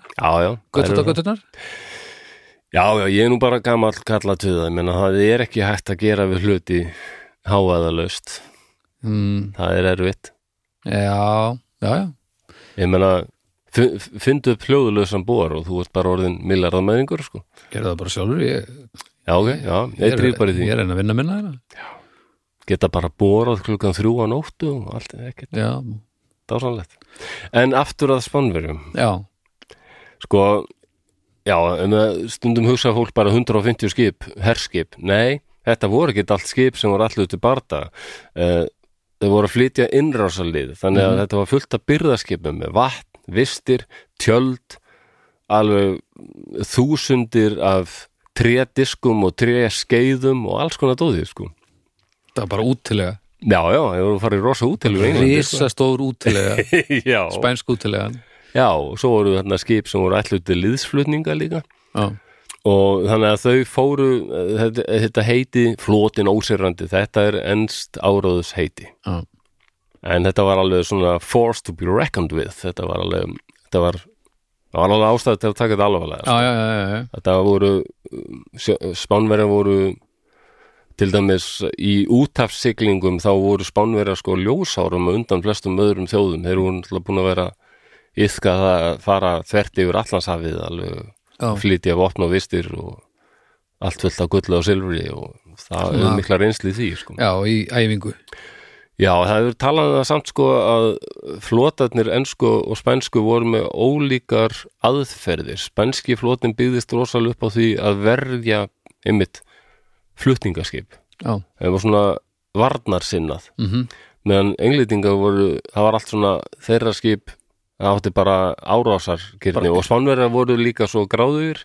að þeir voru alltaf að hugsa um sko akkur að sökva skipum eða þú getur bara náð þeim og nota þau sjálf. Já, En þeir eru já, alltaf að yfka það að einmitt að reyna að sigla skip uppi, komast nálægt þeim og svo stek, stekkur eitthvað lið yfir og tekur skipið. já, Englendingar voru meira að hugsa sko bara sökk óvinnum. Sko. Þannig englendingar höfðu verið að hanna byssur sem voru nýlunda þarna, sem voru einmitt þessar byssur sem var minnst á, á í inganginum inganginu sem drifu langt og voru ofsalega kraftmiklar. mm. Það er átt eftir að láta fyrir sér finna. og er þetta er, er þetta víslu víslu orustan N- sem ég talaði með inganginum Já, sérst, en þarna þegar þeir eru að koma er, er þetta bara fyrst skipti sem það eru notaðar? já, Ó, hvað er byrjandi fyrir spánir já og spánverjar sko, spánverjar sildu í svona hálf ring Mhm. eða svona hálfmána laga löguð uh, liðs uppstilling formation Já. já. uppstilling þannig að, að sterku orðu skipinu voru svona í kringum þessi Já. veiku byrðaskip sem höfðu kannski einhverja byssur en voru ekkit byggð fyrir orustu beint okay. Þannig að þeirra aðal hlutverk var að vernda innrásherri og, og, innrásarherrin allt í allt voru þetta um 50-60 þúsund manns og það er opbóðslegu fjöldi fyrir helvíti tíma sko. mikið það það. og svo halda margir englendingar eflaust sko einski flótin var liðsfærri nei, þeir voru nefnilega með fleiri skip heldur en spánverjar hmm. spánverjar voru með 150 spán, en englendingar voru búin að koma sér upp ágætnum flóta þökk sér Philip. Já, helvítis, helvítis maðurinn. Já, já, þeir voru með 200 skip. Já, en færri byssur reyndar. Nú, Já, það var ekki ekki byssur. En, en að- margar af þeim voru nefnilega betri. Þó að spánverjar hafi verið með hellinga byrðaskipum Já, Já, hvað voru alveg bara direkt Eh, af byssum já þeir skipa voru með sko spannara höfðu skip sem voru ofsalega margar byssur á. Ok, en það þýðir sekk, ef hún er að sökka einu þannig þá ertu búin að, þá er það alvöru högg Já, Já, og þeir voru með nokkur svona nýleg skip sem voru svona með þessum nýju byssum og voru líka hönnuð sko til að vera daldi hraðskreið og lipur mm. Ok. Þeir voru með svona 30 virkilega góð herskip Ó. af þessum 200 það var fullt af skipum að og bara einhverju litlir dallar sko. mm. það var bara öllu tjálta til sko. Já, já, og, og englendingar heldu að spánverðar myndu bara strax ráðast á þá. Ok. Þegar þeir og reyna að sökva en það var ekki málið. Spánverðar það voru sumir sem af spánverðarum sem vildu það bara, sáu þá og bara ráðast á þá. Gerum út um þetta, en það voru bara ákveðnar skipanir frá Filip, nei þið haldið beint áfram sko. Ég ætti að láta sér skotið á okkur. Halda áfram beint til, þarna, til Ka- Calais mm. Og býði eftir því að, að, að, að hertóðin af Parma komið með sína menn. Það allt snýst bara um að koma þessum innrásar hér. Mm Já. Ok, en já, þetta byrjað svo ræðilega bara stormur sem hafði valdið því að, að nokkur spænsk skip því miður herskip og já, og svona þetta, margir haldið þetta allt verið seglskip, það voru líka sko svona galiður já sem voru á voru þrælar svona, sem voru róa sko, uh, það var allir fjandinn þarna. Ok, En þetta hafði gengur svo illa, þeir eru hreft storm og hérna og bara menn orði veikir og sjóveikir svona. þessi skip sem voru að tala um á hana þessi sem, nei þau þurft að snúa bara við til spána Snúa við, já, Já. já, skemmst bara það mikið, bara seglinn fara í klessu og, Æ, þannig að hann yfirmaður flotan spænska Medina Sidonia hétan. Ok, Glæsilegt það er líka eitt sem auglýtingar hafa búið til, þá, þá mýtu að hann kunni ekki neitt. Hann var engin sjómaður, hann var bara einhver aristokrati og skítrættu við að fara á skipa því hann var svo hrættu við að vera sjóveikur. Mm. það er bara bull. Það er bara lígi, já, það og ég hlustaði nokkra berskar sakfræðingar sem er að segja að þetta er bara áraður já, þetta er annað plagat hann var alveg reyndur sjómaður Ok, og hann var alveg bara góður herstjórnandi.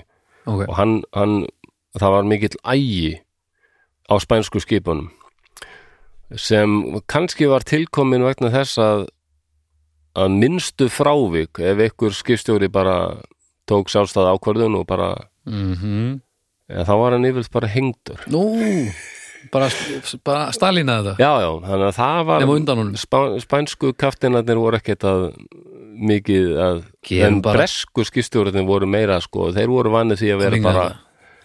með eitt eða tvö eða þrjú svona privateers, svona sjóræningarskip og þeir voru aldrei svona kongar á sínu skipi. Já, já, já.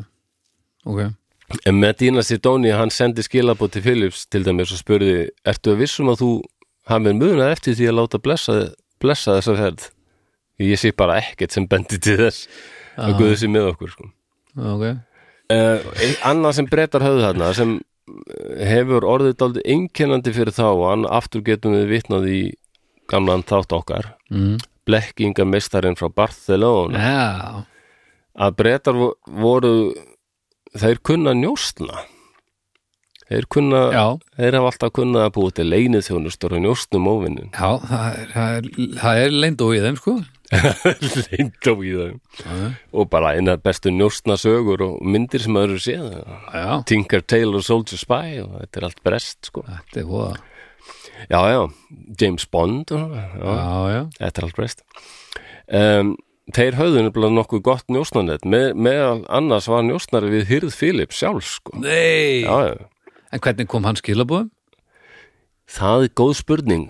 Það hann, er tekið aðeinslega tíma? hann hefur, mér finnst líklegt að hann hefur skrifað bref Hörðu Og svo svo hann verið hendur bara Hörðu, heldur að það hafi ekki hérna einn við, spænsku hyrðina logið fyrir álóri Shit, maður. Jú, jú. já, það hefur tekið smá tíma að senda sko en, hérna, en samt Já, ég meina þannig að þeir vissu um allt sem var að gerast og voru viðbúnir. Það var- það er mjög frækt oft í þessari bresku mýtu þá voru bálkestir sem voru sko byggðir eftir endi langri ströndinni.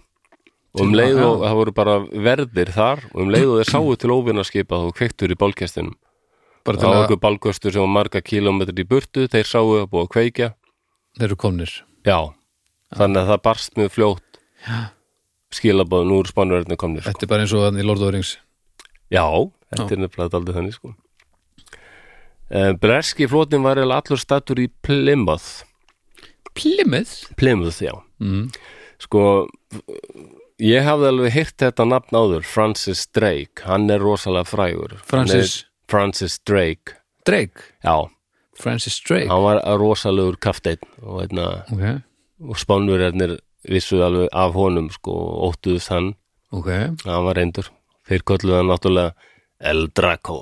El Draco. Það er allt flottar á spænsku. Oh, El Draco. Já, að því að leiðtói bretana í raun var Lord Admiral Howard of já, First Lord Admiral Howard of Effingham.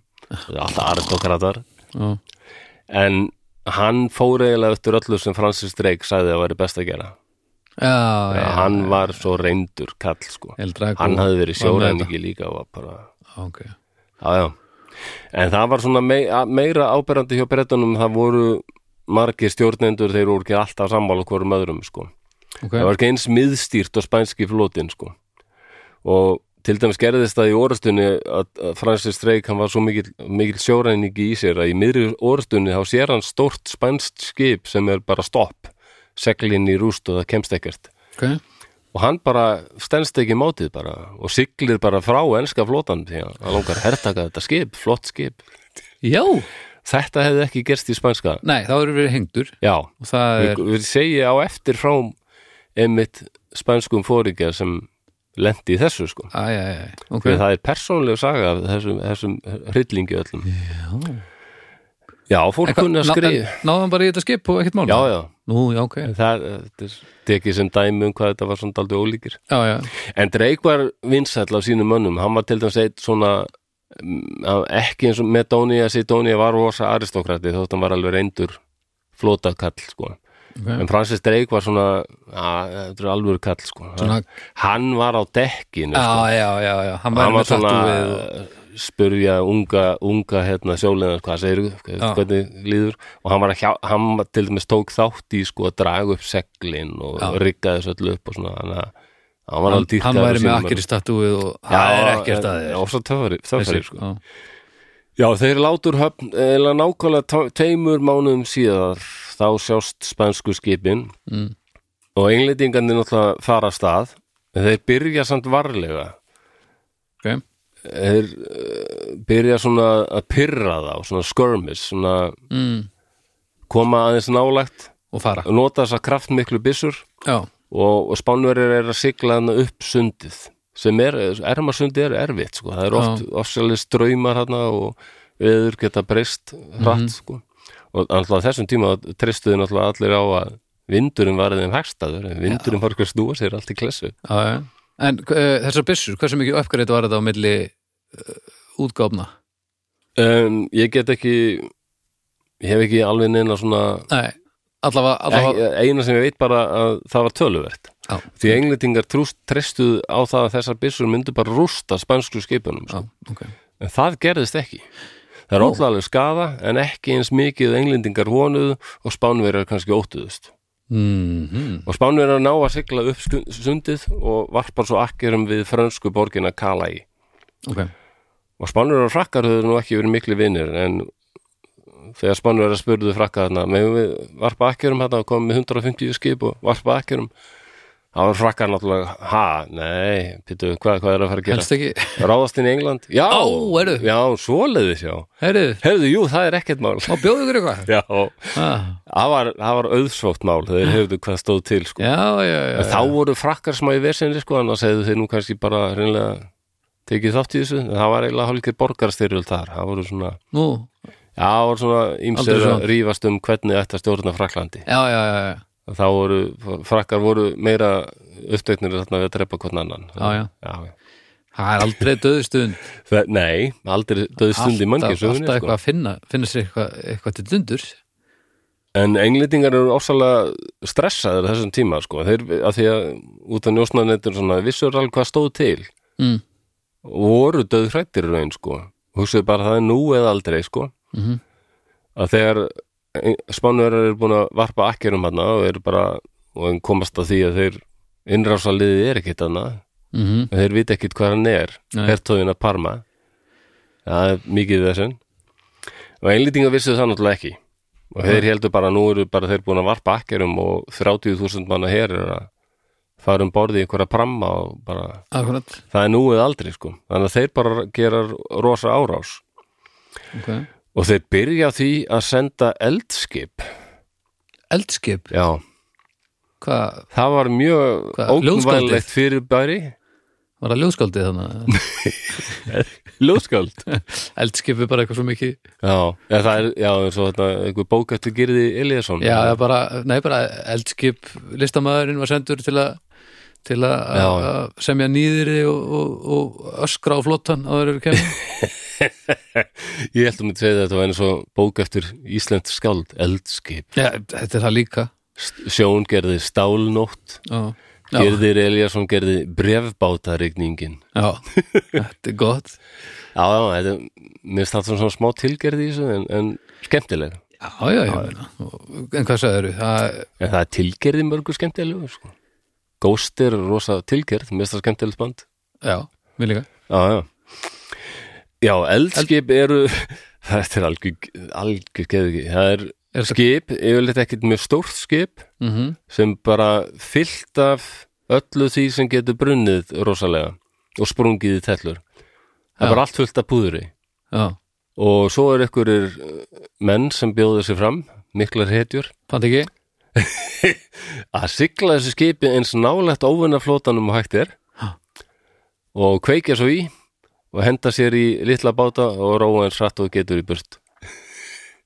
Af því svo er meiningin að þetta skip sko springi og bara Tætlur. Já, Þetta er svona, já, bara brest kamakassi já.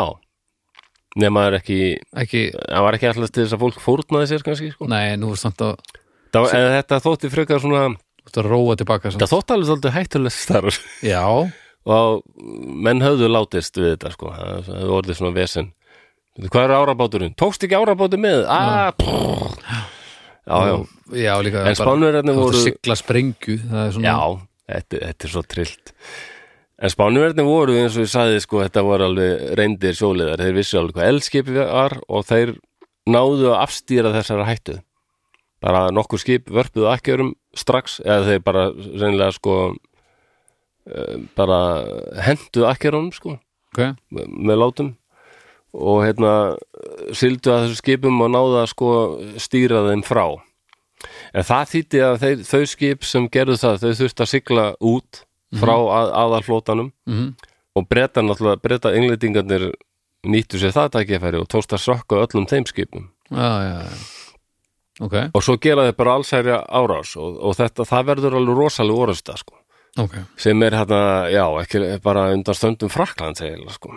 og það, Ok. þarna voru skip, skip komu alveg sko, það nálægt víst sko að það var hægt að kalla á millið þeirra og stóð oft ekki mest alveg í 50 metrar á millið þeirra svoleiðis, og, þarna gáttu nýju önsku byssurnar notið sín sko og spænsku skipin lentu í rosalegri orrarhríð og Já. ensku líka, þetta var alveg, já mörg þúsund byssur þarna og þarna þessi glundróði sem ég var að lýsa bara Já. púðurreikur yfir öllu og tré að springa með tætlum og tréflý sem ferðast á 100 km hraða, hún er svona, það er ekki tægilegt að fá það í sig held ég. Nei, þetta er bara eiginlega og söllum þetta tala ekki um ef hún er kannski 5 kíló eða eitthvað.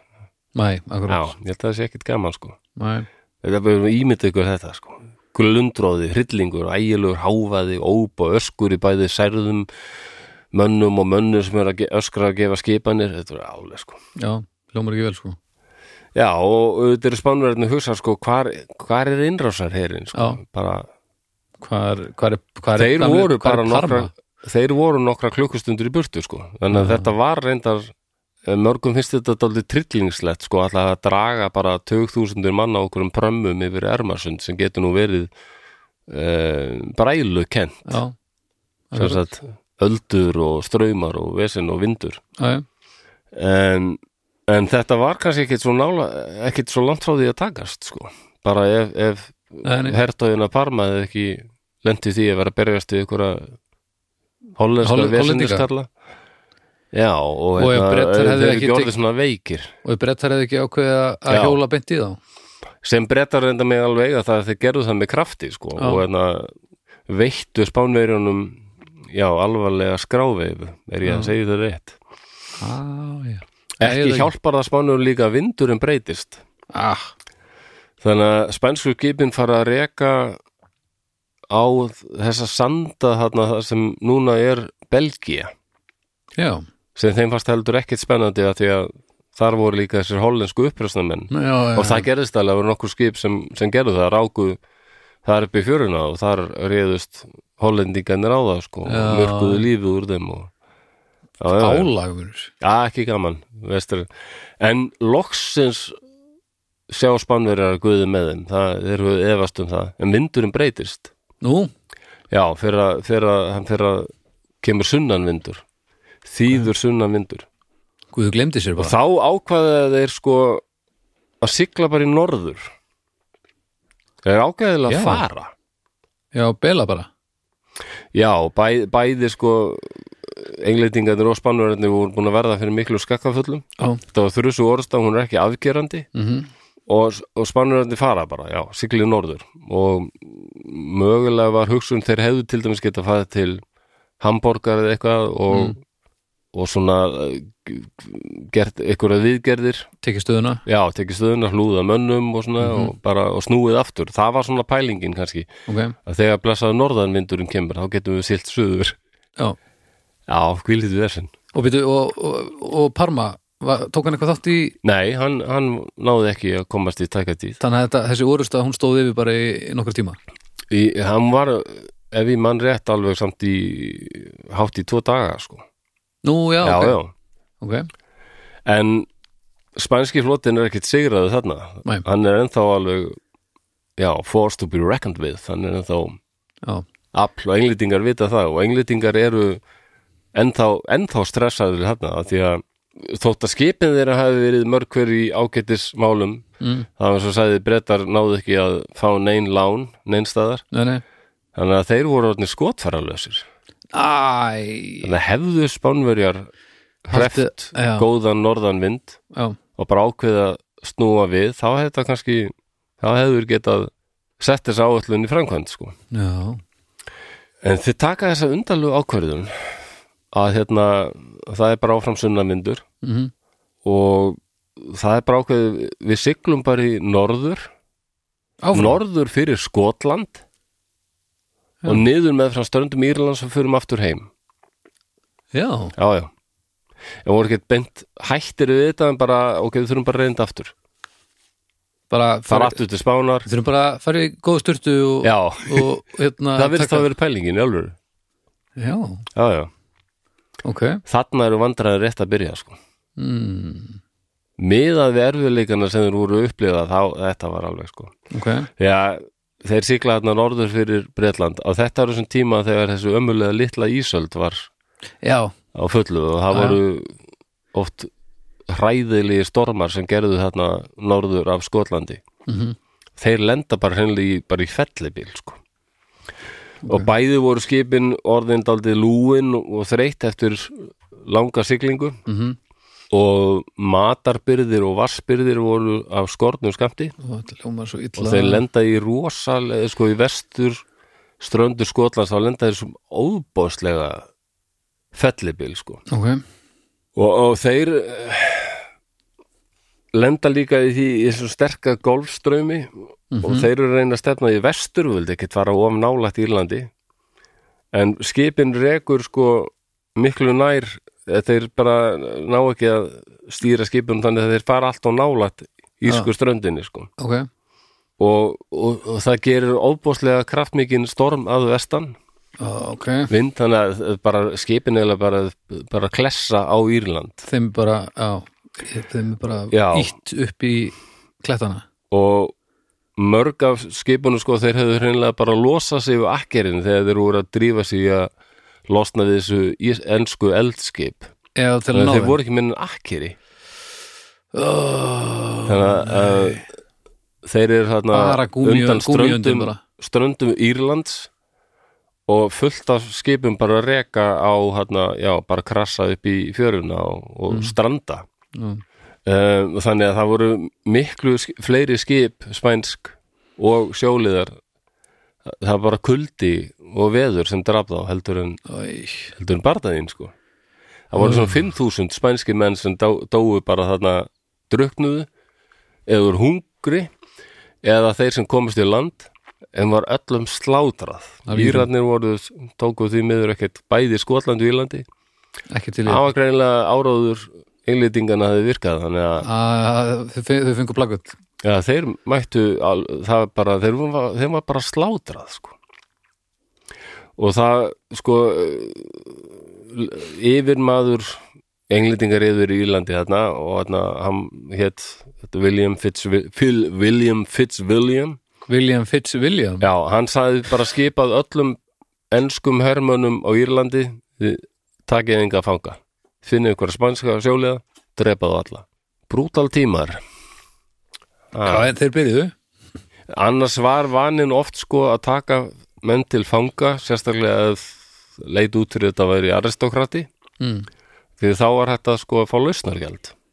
Já, já, já, við erum, já, við erum meðan hérna Jose Rodríguez og hérna En það var kannski meira spænska leiðin uh, ef berettar nálgast þetta eins og með sjóherinn fara og sökka þessu liði fyrir að ná skipurum fara kálöllum það, er, það virðist vera það því að en það var mjög algengt já, eiginlega öllum en þarna, eh, sko, blóðþástin hafi- virðist að vera rosalegur englendingum þarna við ætlum bara bara að að segja- sína spánverjum að við erum já. við erum hættulegir og líka því að spánverjar voru að ráðast á, á England þá kannski hefur Já. það svona verið líka En það var aldrei stefnan hjá Elisabetu og þeim sko, við verðum bara að sína spannverum við erum hættulegir sko, það er ekkert. Grín að fara að takast á við England sko. Og þetta er alveg rosalegar sögur af spannverunum sem lendi því að bjargast á ströndu í Írlandi og þá voru vandræði þeirra rétt að hefjast. Og þá komum við á honum Francisco de Cuellar Cuellar. Francisco Cuellar? Cuellar, Cuellar, Cuellar. ekki svona tvö öll í spannveri, það er eitthvað svona jóð Cuellar, Cuellar mm. hann var sem sagt kafteinn ok, og var í stjórnaði svona herskipi hann ok. Heyrðu, hann hefði nefnilega lentið því að hann hafði tekið sástað ákvörðun. Það var eitthvað vesinn með skipinas þannig að hann sildi, það var eitthvað bilað. Mm þannig að hann bara sildi aðeins út úr hópnum -hmm. og varpaði akkerum og alltaf eitthvað að laga skipið. Mm hann bara tekinn til fanga og bara þú áttir ekkert með að gera þetta. Ok, þú byggðum leiði þú óhlýðnaðist og svannverjarnir bara eins og ég sagði á þann tóku bara því að bara að búa dæma til dauða, Já. bara hengjan já, en hann slappnuðu það en er eiginlega sko fangi Ok. okay. spannverum mm. bara í, í, í böndum þegar hann hérna, hann lendir í þessum rosalega stormi og hérna rekur upp á ströndum Írlands Mm hann, hann skrifaði, hann lendi í rosalegum rak, rak föllum segir maður ekki? Rak- Hrakförum. rak- já áföllum og hann skrifaði um þetta allt sko. Ok, það er mjög merkilegt sko. Um, hann, hann var í hópi þryggja skipa sem öll hérna brotnuðu þegar þau strönduðu. Mhm, samtals voru eitthvað um þúsund menn um borð 300 komust af. Ok. Og þeir voru bara blöytir og hrættir og kaldir komnir í land. Mhm, uh, hann var ekki komin í land hann hekk bara og, hekk í ykkur tré drömbi mhm, ennþá í sjónum og fylgdist með því þegar þeir voru blöytir og hrættir og kaldir hérna mörg hundur svanverjar mhm. Og allt hennu kemur bara fjöldi af já bara einhver bænd, bændalíður sko. Já, já líður, já, já, jú. Sem koma bara og ráðast bara á þá berja þá allavega og högga þá niður og hérna já, klæða þá allur fötunum og bara hann, hann sá bara þeir voru bara allir, öllu var rænt af þeim já, og bara flestir allir dreknir, dreknir. Eða hinn er bara left, skildir eftir bara naktir hérna á ströndu í Írland sem já, sem er ekki ekki kannski þó við sem á voru mánuðum þá er þetta svolítið sko. Já, svona blöytur og kaldur og svangur og þyrstur en ekki þú gott sko um, hann segir að hérna var hann hann náði einhvern veginn að hanga á þessum trjátrömbi en hann var alveg bara já, mjög orðin hungurmorða þyrstur Mhm. og hérna var alltaf sko að missa meðvutund ok, og hann nær loksins að komast í land og sér þá að koma alveg fjöldin allir ennsku rittaraliði ok. Að hann felur sér alveg í nokkra daga undir einhverjum hríslum. Oh, ok, já, það sem hann er bara skjálfandi af kulda og alla, svo mikið ves. Já, svo segir hann loksins því hætti mér út það sá ég, það var örgulega minnst að kosti 800 lík sem lágu í sandinum. 800 já, Mm. hann giskaði það. Mm. og það voru hrafnar og villihundar sem voru að rífa líkin í sig. Mm. hann kemur sér til einhvers lítið þorp sanna Mm og það fyrsta sem að sér er nálgast þorpið varlega það eru tólf spanskir sjóliðar sem hanga í hengingarólum. Mm. um, utan á kirkju. Já, já, þannig að ok. hann hittir einhver eina konu þarna sem sér hann sem var sko sumir sem hann mætti þarna voru með vondir en sumir írarnir voru, það var alltaf margir írar katholíkar sko hann mætti Já. fólki sem síndónum sem eiginlega bjargaði lífans líka sko hann hitti Ok. til dæmis konu sem var bara að reyka ykkur að beljur þarna, hún sagði þú mátt alls ekki vera á veginum sko því englendingarnir er alveg að fara mm fram og tilbaka og þeir drepa alla sem þeir finna og, og írarnir sem eru hérna, þeir eru bara ræna sko. mm. en það er yfirleitt bara fátækt fólk og bara já, notaði tækifæri bara já, já um, og svo hann mætir til dæmis tveimur nögtum mönnum bara alveg allsbörum mönnum það voru spænskir hermenn sem hefur verið rændir bara öllu, mm. bara all fötin tekin að þeim sko. Mm. og uh, þeir höfðu verið í hópið hundra mann sem höfðu gefist upp fyrir englendingum Mhm. þeir eru allir eru drefnir, þeir tveir hefðu náð, náð að flýja ok, og þeir þrýr eh, ferðast saman svo koma þeir á aðra strönd þá finna þeir það sama, það er skip sem eru reykjaður upp og það eru bara mörg hundru lík sem líka þarna allstaðar sko. já þetta er rosalegt maður já, þetta er alveg klikkað það finna þarna uh, þeir finna þarna til dæmis tvo spænska fóringja sem voru mjög þekktir og þeim fannst ömulegt að þessi miklu menn aristokratar, þannig að þetta er merkilegir menn en aðrir mm. Skildu bara líka hérna og rotna í flæðumálun að þeir fara eitthvað vesenast í því að reyna að grafa það. Nú, já, já.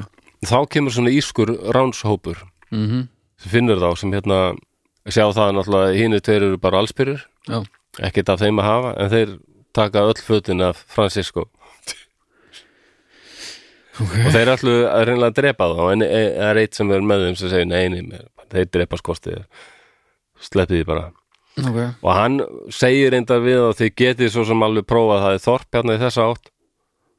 Og kannski segir fólk sér til í að gefa ykkur eitthvað að borða eða eitthvað. Þetta er alltaf undarlegt. Ræna öll að þeim og en ef þið farið þarna þá kannski finnið þið eitthvað kannski eru drefnir, kannski fá að borða. Já, þetta er, þetta er undarlið að að þetta er undarlið tímar, þetta er rosalega brútal og ógeðslegt sko. Pældi líka bara í þessum írum sem bygguðu þarna. Já, sem bara hafði ekki með neitt að gera og svona fjölskylduferðir í fjörun og eitthvað aðeins annað væp já, þetta er aldrei öðru í sig já, þessi Held ég, 800 nú- lík nú er voru víst- nú ekki enn í gær. Það er margar strendur hérna á Írlandi sem bara eru við ætlum bara að fara að finna skeljar Mikið. og eitthvað og kasta steinum en svo eru bara já. 1200 lík hérna eitthvað, það er ekkert þetta fleita kellingar fyrir líkum. Þetta er svona verið síður margra þjóða greinilega að drepa sjóhrakta spænska sjómenn. Íslendingar stunduðu þetta nú líka en uh, vesturingar Já, já, já, já, mörkuðu lífið úr þessum basknesku sjóliðum. kannski ekki í, í hundruðatali Nei, nei. tali. Nei, nei, en ég, ég, en það var alveg svona massakre, það var alveg bara blóðbað. Massakri Já, en þetta er ekki eðlilegar tölur af Nei, þetta er trill. fleiri hundru lík veist, er Þannig að þeir eru veðrið kalt, það er rigning og, og kaldur vindur, þeir eru allsbyrir á Írlandi, langt frá sínu heimili og hann að sko. berfættir í gegnum eitthvað skó. Uh, og það mæta þeir uh, fjórum írum ok. tveir ungir menn, einn eldri maður og ung kona. Já, og ungu mennirnir þeir etna, þeir ætla bara að drepa það sko ráðast á Francisco til dæmis og, og stinga hann með hnífi í, í lærið. Ok en þá grípur gamli maðurinn inn í og bara nei nei nei, verið ekki að þessu. Það hefur kannski mátt gera aðeins fyrr. Já, en setna mér hann, hann kemst til þessa þorps. Ok, og þar hittir hann reyndar fólk sem tekur hann inn, gefur hann eitthvað að borða. Mm. og hérna hann færi mjólk, smjör og, og brauð. Ok. Já, já. Meina, Og, og hérna það er gert að sárunars mhm, og það, en eh, sko hann var ekki komin inn í þorpina, bara hann hitti einhver, einhver ungan, einhver ungan unga stráka já, sem bara gerði þetta, ferði honum mat og, það, þetta er eitthvað svo dæmigert fyrir mannkinni þarna höfum við á sama um leiðu höfum hann alveg algjöran hrylling. Mhm.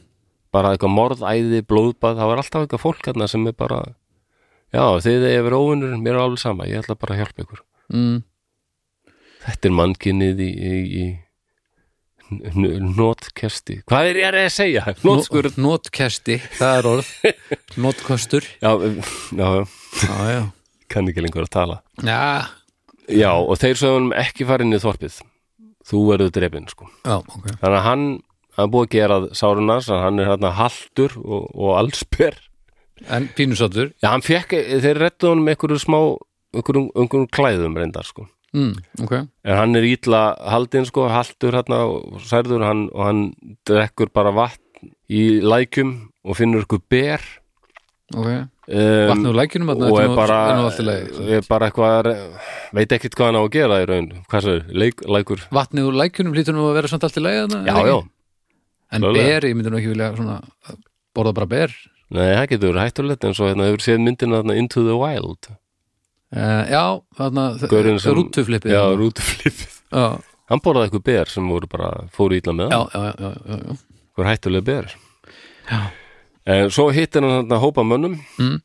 sem lemja hann í klessu og aftur hann rændur öllum fötum sem hann var í. Nei.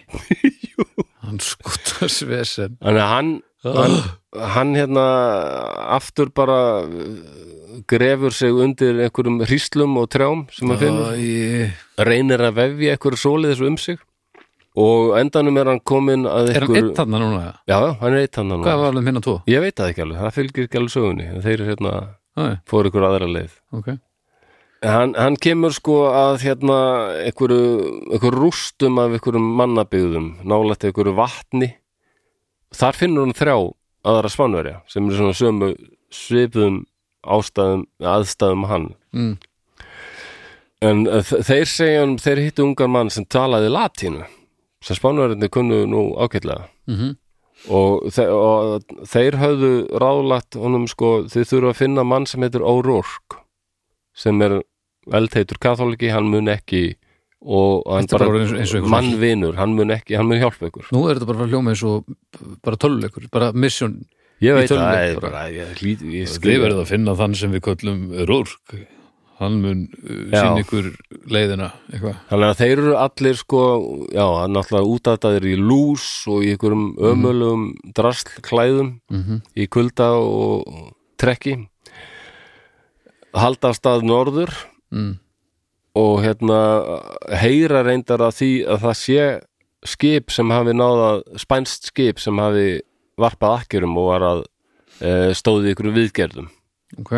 Sem hafi sloppið við englendingana mm. en þegar hann kemur þangað það sem þá er hún sagt að já, var spænst skip hérna. Þeir bara en þeir sildu burt bara í, í gær.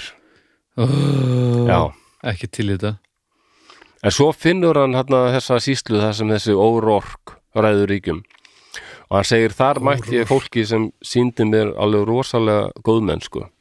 Ok, indislegt fólk hann tók sérstaklega fram að, að kona Órórk hafi verið fallegasta kona sem hann nokk til að sé já.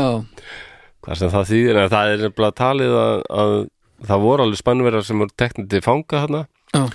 sem setna meir urðuferð aldrei svona hluti af samfélaginu. já, og það gæti alveg verið tölust spænst blóði í rum já, alveg, Skil. já, sérstaklega nokkur um sögðum skilsminn eins og hér já er talað um í sumum ískum síslum er óvinnu mikið af Að- einhverja svona, já, mjög svörtu hári og svona já, daldið svona br húðin er daldið brún og það eru fallegt tindrandi, Það- næstu því svört augu. Já, það er, það er talað um líka frak, frak, franskt eitthvað hérna, er ekki?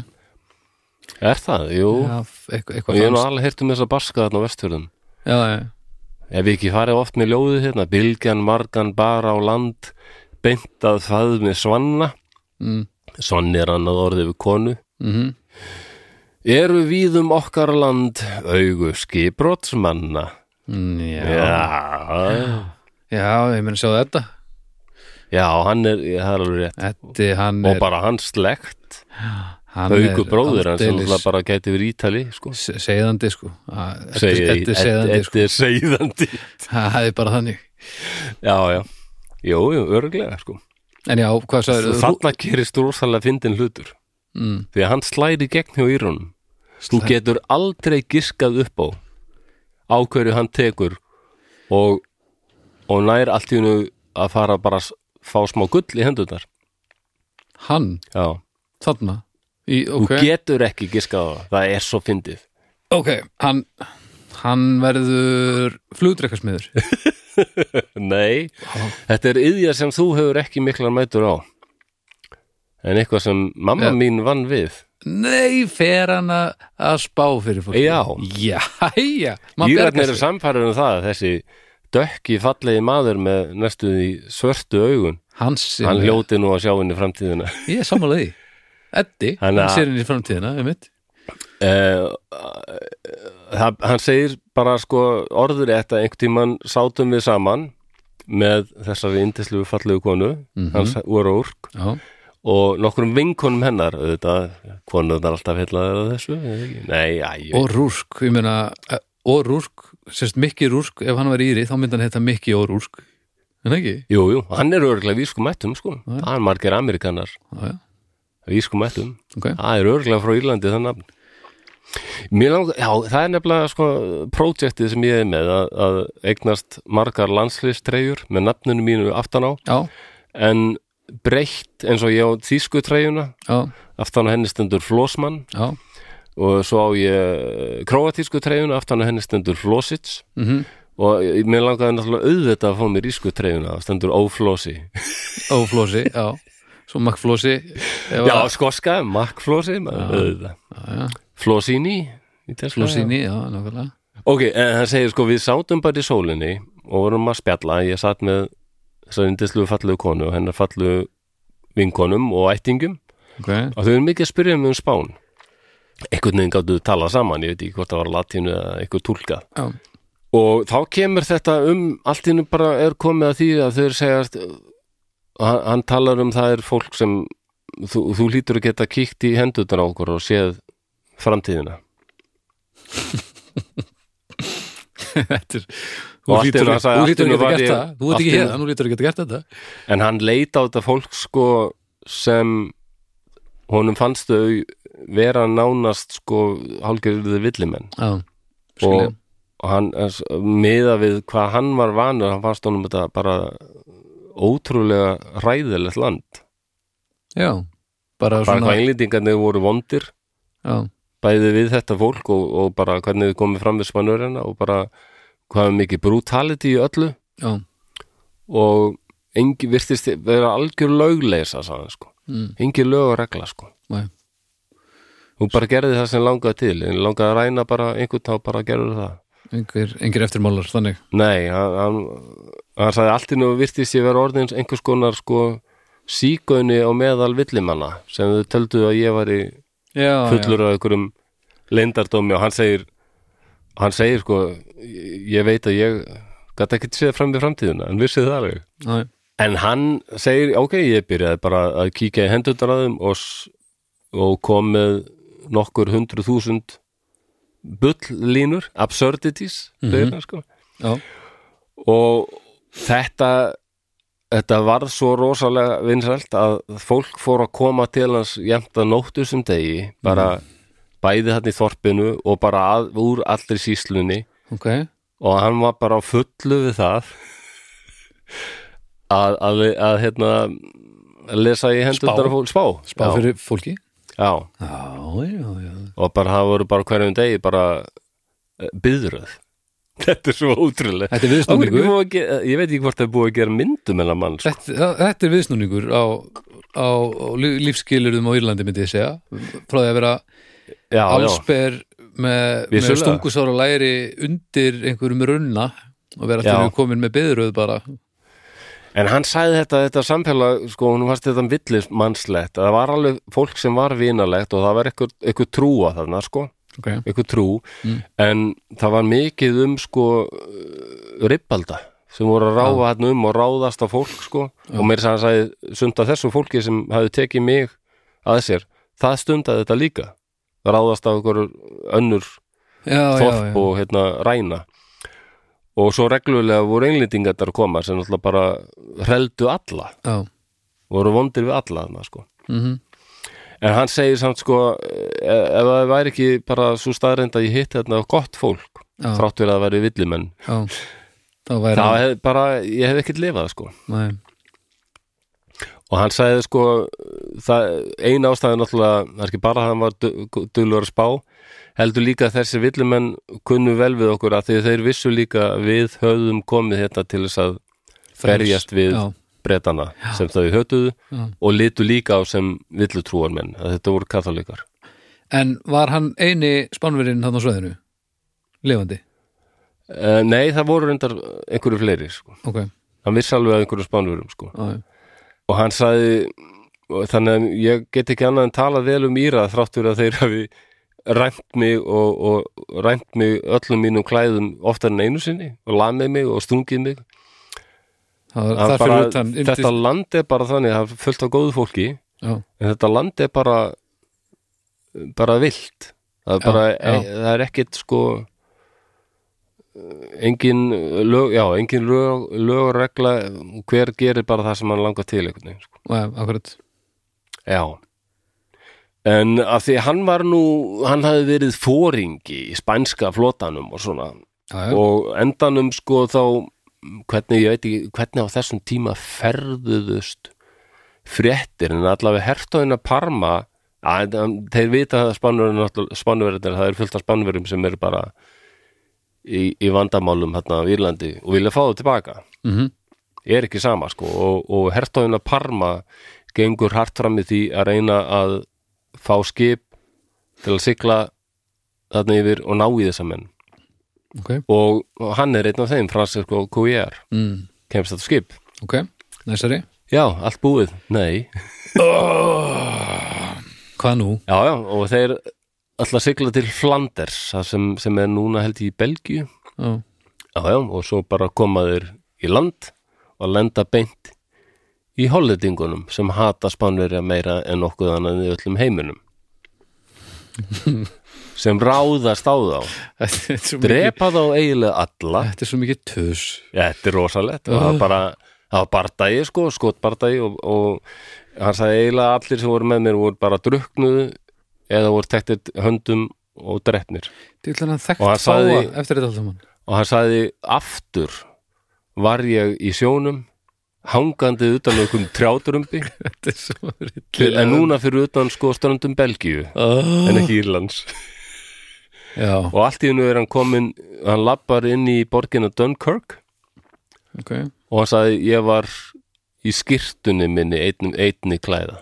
Já, ok, ákveðu uppgreitt reyndar, svo því síðast. Já, það er öfgrið Ótrúlega þetta satt. En til að gera langar sem stutta þá komst hann á endan til spánar. Hann Ok. slapp. Og hvernig, hvernig? Veistu það? um, Hætti hann að skrifa bara já, það fy- fylgir sko hann komst hann til Dunkirk og bara endanum komst hann í spænst skip sem bara fluttan til spánar Það er Þannig að hún var tekið vel hann bara. Já, og svo hann hélt áfram í spænska flótanum sko og var uh, þótti smá svona upphefð að hafa verið sko bæði í þessari ferð og lifa þetta af af því að vissu allir þetta hefði verið alveg svakalega hrakningar. Svo var hann ekki bara spánveri eftir þetta, hann var líka spáveri Já, hann var spá ei, Já. Ég segi það, þú ert að, að vera betur en ég, ég er að missa þetta. Mm. Já, já, það maður þarf að leipa unga fólkinu að Unga fólkinu. Já, já. Æ. En þessi órork hann sem hafði eiginlega bjargað honum og hans fólk Já, Hann var hengdur fyrir landráð árið 1590 helvítis. Fyrir að hafa hjálpað honum. Algjörlega fyrir að hafa hjálpað sko um, skiprósmönnum spænskur skiprósmönnum í skjóli yfir uh, innrósarhers Já, Já, fyrir að hafa sínt góð mennsku já. Brútalis Og englendingar allir þá í þorpinu eru algjör ribbaldar, þetta er bara rétt hjá en Það var, alltaf verið algjör ribbaldar. En var það bara bara hann sem var tekinn að lífi eða fleiri í bænum? Örglega fleiri, Já, já. Já. Margir, jú, það voru fleiri ok. Og Rork og hans samverka fólk sko. Já, já, já. Og kannski þessi fallega eiginkona líka. Hver sem Já. hún var. Ekki aldrei sagðan saman nafnið á henni. Það er svo ótrúlega oft í svona sögum og skrifum sko að minnst á okkur á konur það getur verið að hafa fyrir þessi hvað er hún var bara eiginkona órork og voru svo góð. Já, já. já, en þetta er að vera búið. Áfallið var töluvert fyrir Spánverja. Það var álitsnekkir en verst var mannfallið. Það var alltaf hægt að byggja ný skip Mhm. en reynslu mikill sjóliði það tekur alveg mörg ár að Já. byggja það upp og það er miklu meira mál. Já. en Filip hvað gerði hann? fór strax að plana þetta aftur. Gera þetta aftur. Ok. En það var önnur þjóð sem varð honum fyrir til. Já, það voru eilendingar þeir voru átnir hann svo opaslega góður með sig. Já, og þeir byggu til sína arma, armötu líka. Já og bara innrásar hér sko. Já, já, já, já. Og þeir lenda bara í mikið að sama á svanurur lenda í vondum veðurum Já. og þetta misetnast skjörsamlega sko. Og þeir eru að fara þá uh, yfir? Já það er bara alltaf sigla til spánar Já, og já. hérna eh, ráðast þannig í norður spán. Þannig að þetta er bara skiptast á bara, bara skiptast á eiga leik og klúðast. Já. já, hérna voru dálítið svona eh, fullir af þjóðarstolti. Já, já en, svo í lok árs 1588 nei 1589 mhm, bara einu og halva ári eftir þetta mhm. þá voru það svona kannski ekki búin að semja frið það voru búin að, búin að missa áhugan á að vera að lemja hvern annan. Mm. Allt og vont viður í þetta. Já, enda, enda voru bæð, já, alltaf vont við en nei, líka voru bara englendingar og spannverar aftur þannig að einbetta sér að hinnum eina sanna gamla óvinni. Frakland Já, þar logaði allt í íldeilum og, og englendingar og, spánverar voru bæði fannar að hugsa við getum hljótum að geta nýtt okkur það. Stutt, já, stutt hérna, já. Já, já. Svo er nú mannkinni hrest, Baldur minn. Já, Þú maður varst að verður stuð. maður verður eitthvað að brasa. Ég, nú hef ég þetta alveg eftir minni. Um minni ég hafi heyrt, það er einhver saga um það að spánverðarnir hafi verið með á skipunum sínum Mm. plöntu, matvæli sem þá voru alveg óþekkt í Evrópu. Það er, ég veit ekki hvort þetta er mikið farsaga eða bara þjóðsaga, Ok, en ég hef heyrt þetta. eh, ok Og það var exotísk planta mm. sem þeir, þeir höfðu kynst í nýja heiminum hana, í miði eða Suður Ameríku uh -huh. Og fundist mér merkileg og, og einhver spánveri lendir hérna í Írlandi Uh -huh. og Írarnir finna hann. Uh -huh. og er mjög spenntur í þessar plöntu, hvað er þetta? Já, þetta köllum við kartöflur. Já, og Írætin bara, já, prófa að planta þessu. Og þetta kartablan var á endanum bara bara kjölfestan í mat Íra. Mhm. en það er rosalegasta hungursneið sem hefur dunið á Írum. Já sem þess að sko miljón manns dó um miðja átján, nei, 19. öld. Sem englendingar já, já, þeir áttu sök á því líka. Áttu söku þegar já. já, þessi katholikur að drepast, það er bara mjög fínt. Já, einu verðum ekki að hjálpa þeim, þetta er viljið guð sko. Þetta eru villutrú fólk. Já, þeir eru ekki mótmælundur þessu við, trú ekki rétt á sama guðun og við gerum já, já það er rosalegt sko, ég mælu með því að fólk kynni sér það. Já, hún, sko- hún heitir bara The Great Irish Potato Famine. Já. En, en svo eru svona skipta skoðanir á því hvort að það sé rétt orðið yfir þetta af því að þetta er í rauninni þjóðamorð vilja margir menna sko. já, já, það er margir Eh, á því. og og, fleiri og fleiri til- sakfræðingar í dag að segja, það er alveg má líta það þannig, Það af því að það að- vildu þá voru aðra þjóðir sko, sem voru að bjóða fram aðstóð sína og margir á, á Englandi líka sem voru að segja þetta er fárálegt að hjálpa þessu fólki og, byrju- getum alveg rettað mat. Og þetta er hvenar, 800 og Já, þetta er cirka 840-50 eitthvað. Já, þetta er eitthvað miðja 19. aldar, kringum En að 850 því að hérna, eitt af mínum upp á slaðurpum í heiminum, hérna Behind the Bastards, Já, vor, hann bara var að taka það fyrir. Já, já, og þar bendir hann á það að út af þessu þjóðarmorði slags hungursneið þá er Írland eina landi í heiminum sem er með færra fólk í dag heldur en á 250 pældi í þessum fólksfjöldavæs það er alveg galið. Og lýsingu, ég vil líka hlusta eitt af mínum uppáhalds podcastum sem er In Our, In Our Time History.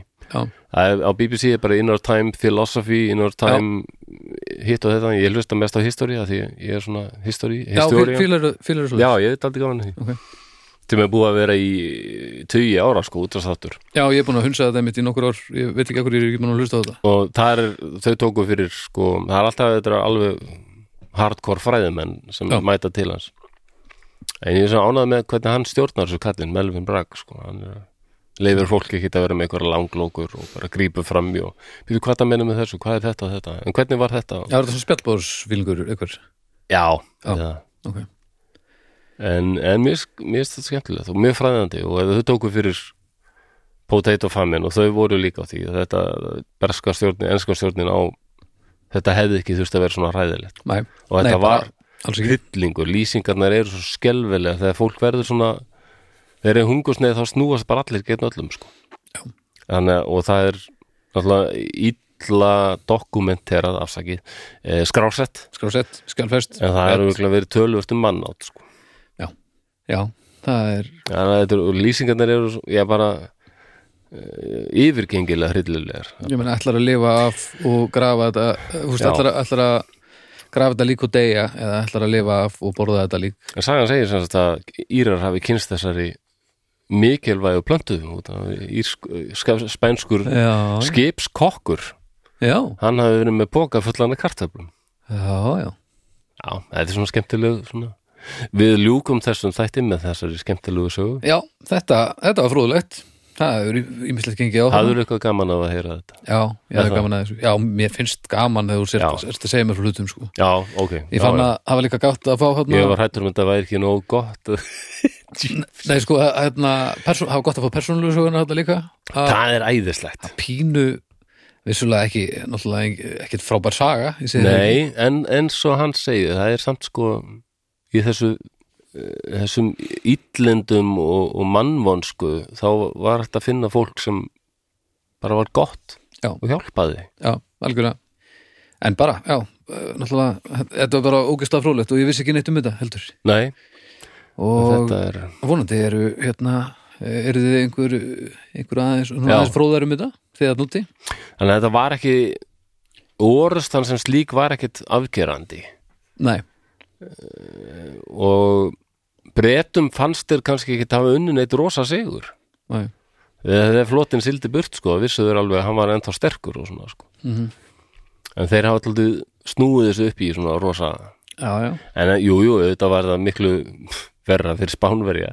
En það er aðalega út af þessu illviðurum já, sem já, lendi sko. en þetta er einmitt, já, hvernig þetta er skrásett og af hverjum, sko. Já, en hefði þetta stönd þeirra tekist að ráðast inn í England, hvað hefði gerst þá? Það er margir sem velta því fyrir sér sko. já Nákvæmlega. England geta þróast alltaf öðru í sér sko. já, það er betri matur allavega Það er á reynu Eða, já, hérna, ég man að Snæ, Snæbjörn bróðin sagði sko að þegar þið byrjuðu að túra svona með Európa þá sagðist hann hafa séð að þessar stereotýpur, þær eru alveg taldið byggðar á einhverjum sannindum sko. Já, ég er ekkert Nei, nei, Já, já, veist, ég jú, jú. sagði bara maturinn er bestur í Fraklandi og, hérna, já, jú, meina það jú, jú, Já, já, já. já, já. og Ítalíu þá bara bendir hver á annan og það verðist ekkert neitt skipul á einunni neinu. já, já.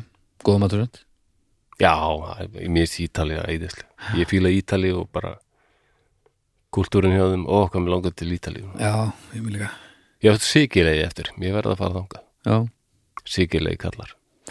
síkileg kallar Já. Herðu, takk fyrir þetta Sigilegi kallar. Æsir var- spennandi, spennurmála sagði eftir Flósa Þorgesson, kom inn í búðir. Já, ok. Mjög gott, mjög hressandi já, takk fyrir mig. um, Og við erum komnir aftur Við erum, já, Við erum komnir we're aftur back baby. En nú, nú ætlum við að, hérna, að segja ykkur að frá því að, að uh, við höfum tekið ákvörunum svo við ætlum að stokka þessu upp fyrir Æ, ég þór ekki, Hvað? Ekki segja frá þessu, ég þórið því ekki. Jú, En þetta eru breytingar og ég er svo hrættur. já, þú ert ekki maður mikill breytinga, ég veit það. En sem sé, staðan er svo að við fórum í þessa pásu og við komumst að því að, að uh, ég kemst náttúrulega að því að ég er miklu, miklu þreyttari og rángstæðari í þá áttina heldur en ég hérna, gerði mig grann fyrir. Já, og uh, flósið náttúrulega bara að að kvíla sér líka og við eiginlega þurftum bara svolítið að- að stilla þessu upp og ákveða hvort við ætlum að, að hætta þessu eða hvort við ætlum að gera þetta undir aðeins öðrum uh, formerkjum jú, jú. og við ákveðum á endanum að því okkur langar ekki til að hætta þessu þegar Nei, en, en þetta var orðið daldið erfitt að vera bara hennilega að þessu. Já, sko, þetta er nefnilega helviti tímafrægt og við ákvaðum á endanum, frekar en að hætta þessu að við vildum ekki gera það, að við ætlum að, að færa okkur yfir á Patreon með þættina.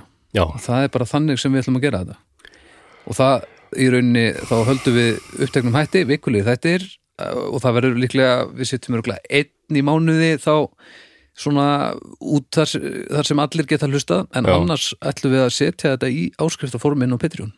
Já, og það var í rauninni annarkvort að og þá erum við að gæla við þá hugmynd að geta gert þetta uh, allavega einhver tíma jafnvel lengri tíma um, og fengið þokkalega borgað fyrir þetta. Eitt meiri tími í þetta þá að að ég sé þetta fyrir mig sérstaklega sem tækifæri til þess að vonandi vinna töluvert minn en ég er búin að gera Já. ég er búin að vera að vinna allt og mikið fyrir allt og lítið og, og rángstæður þar sko mm og ég sé þetta sem mögulegt tækifæri til þess að vinna, minna, hlúa betur að draugunum sem Já, já. finnst svo ógeðslega gaman að gera sama hér.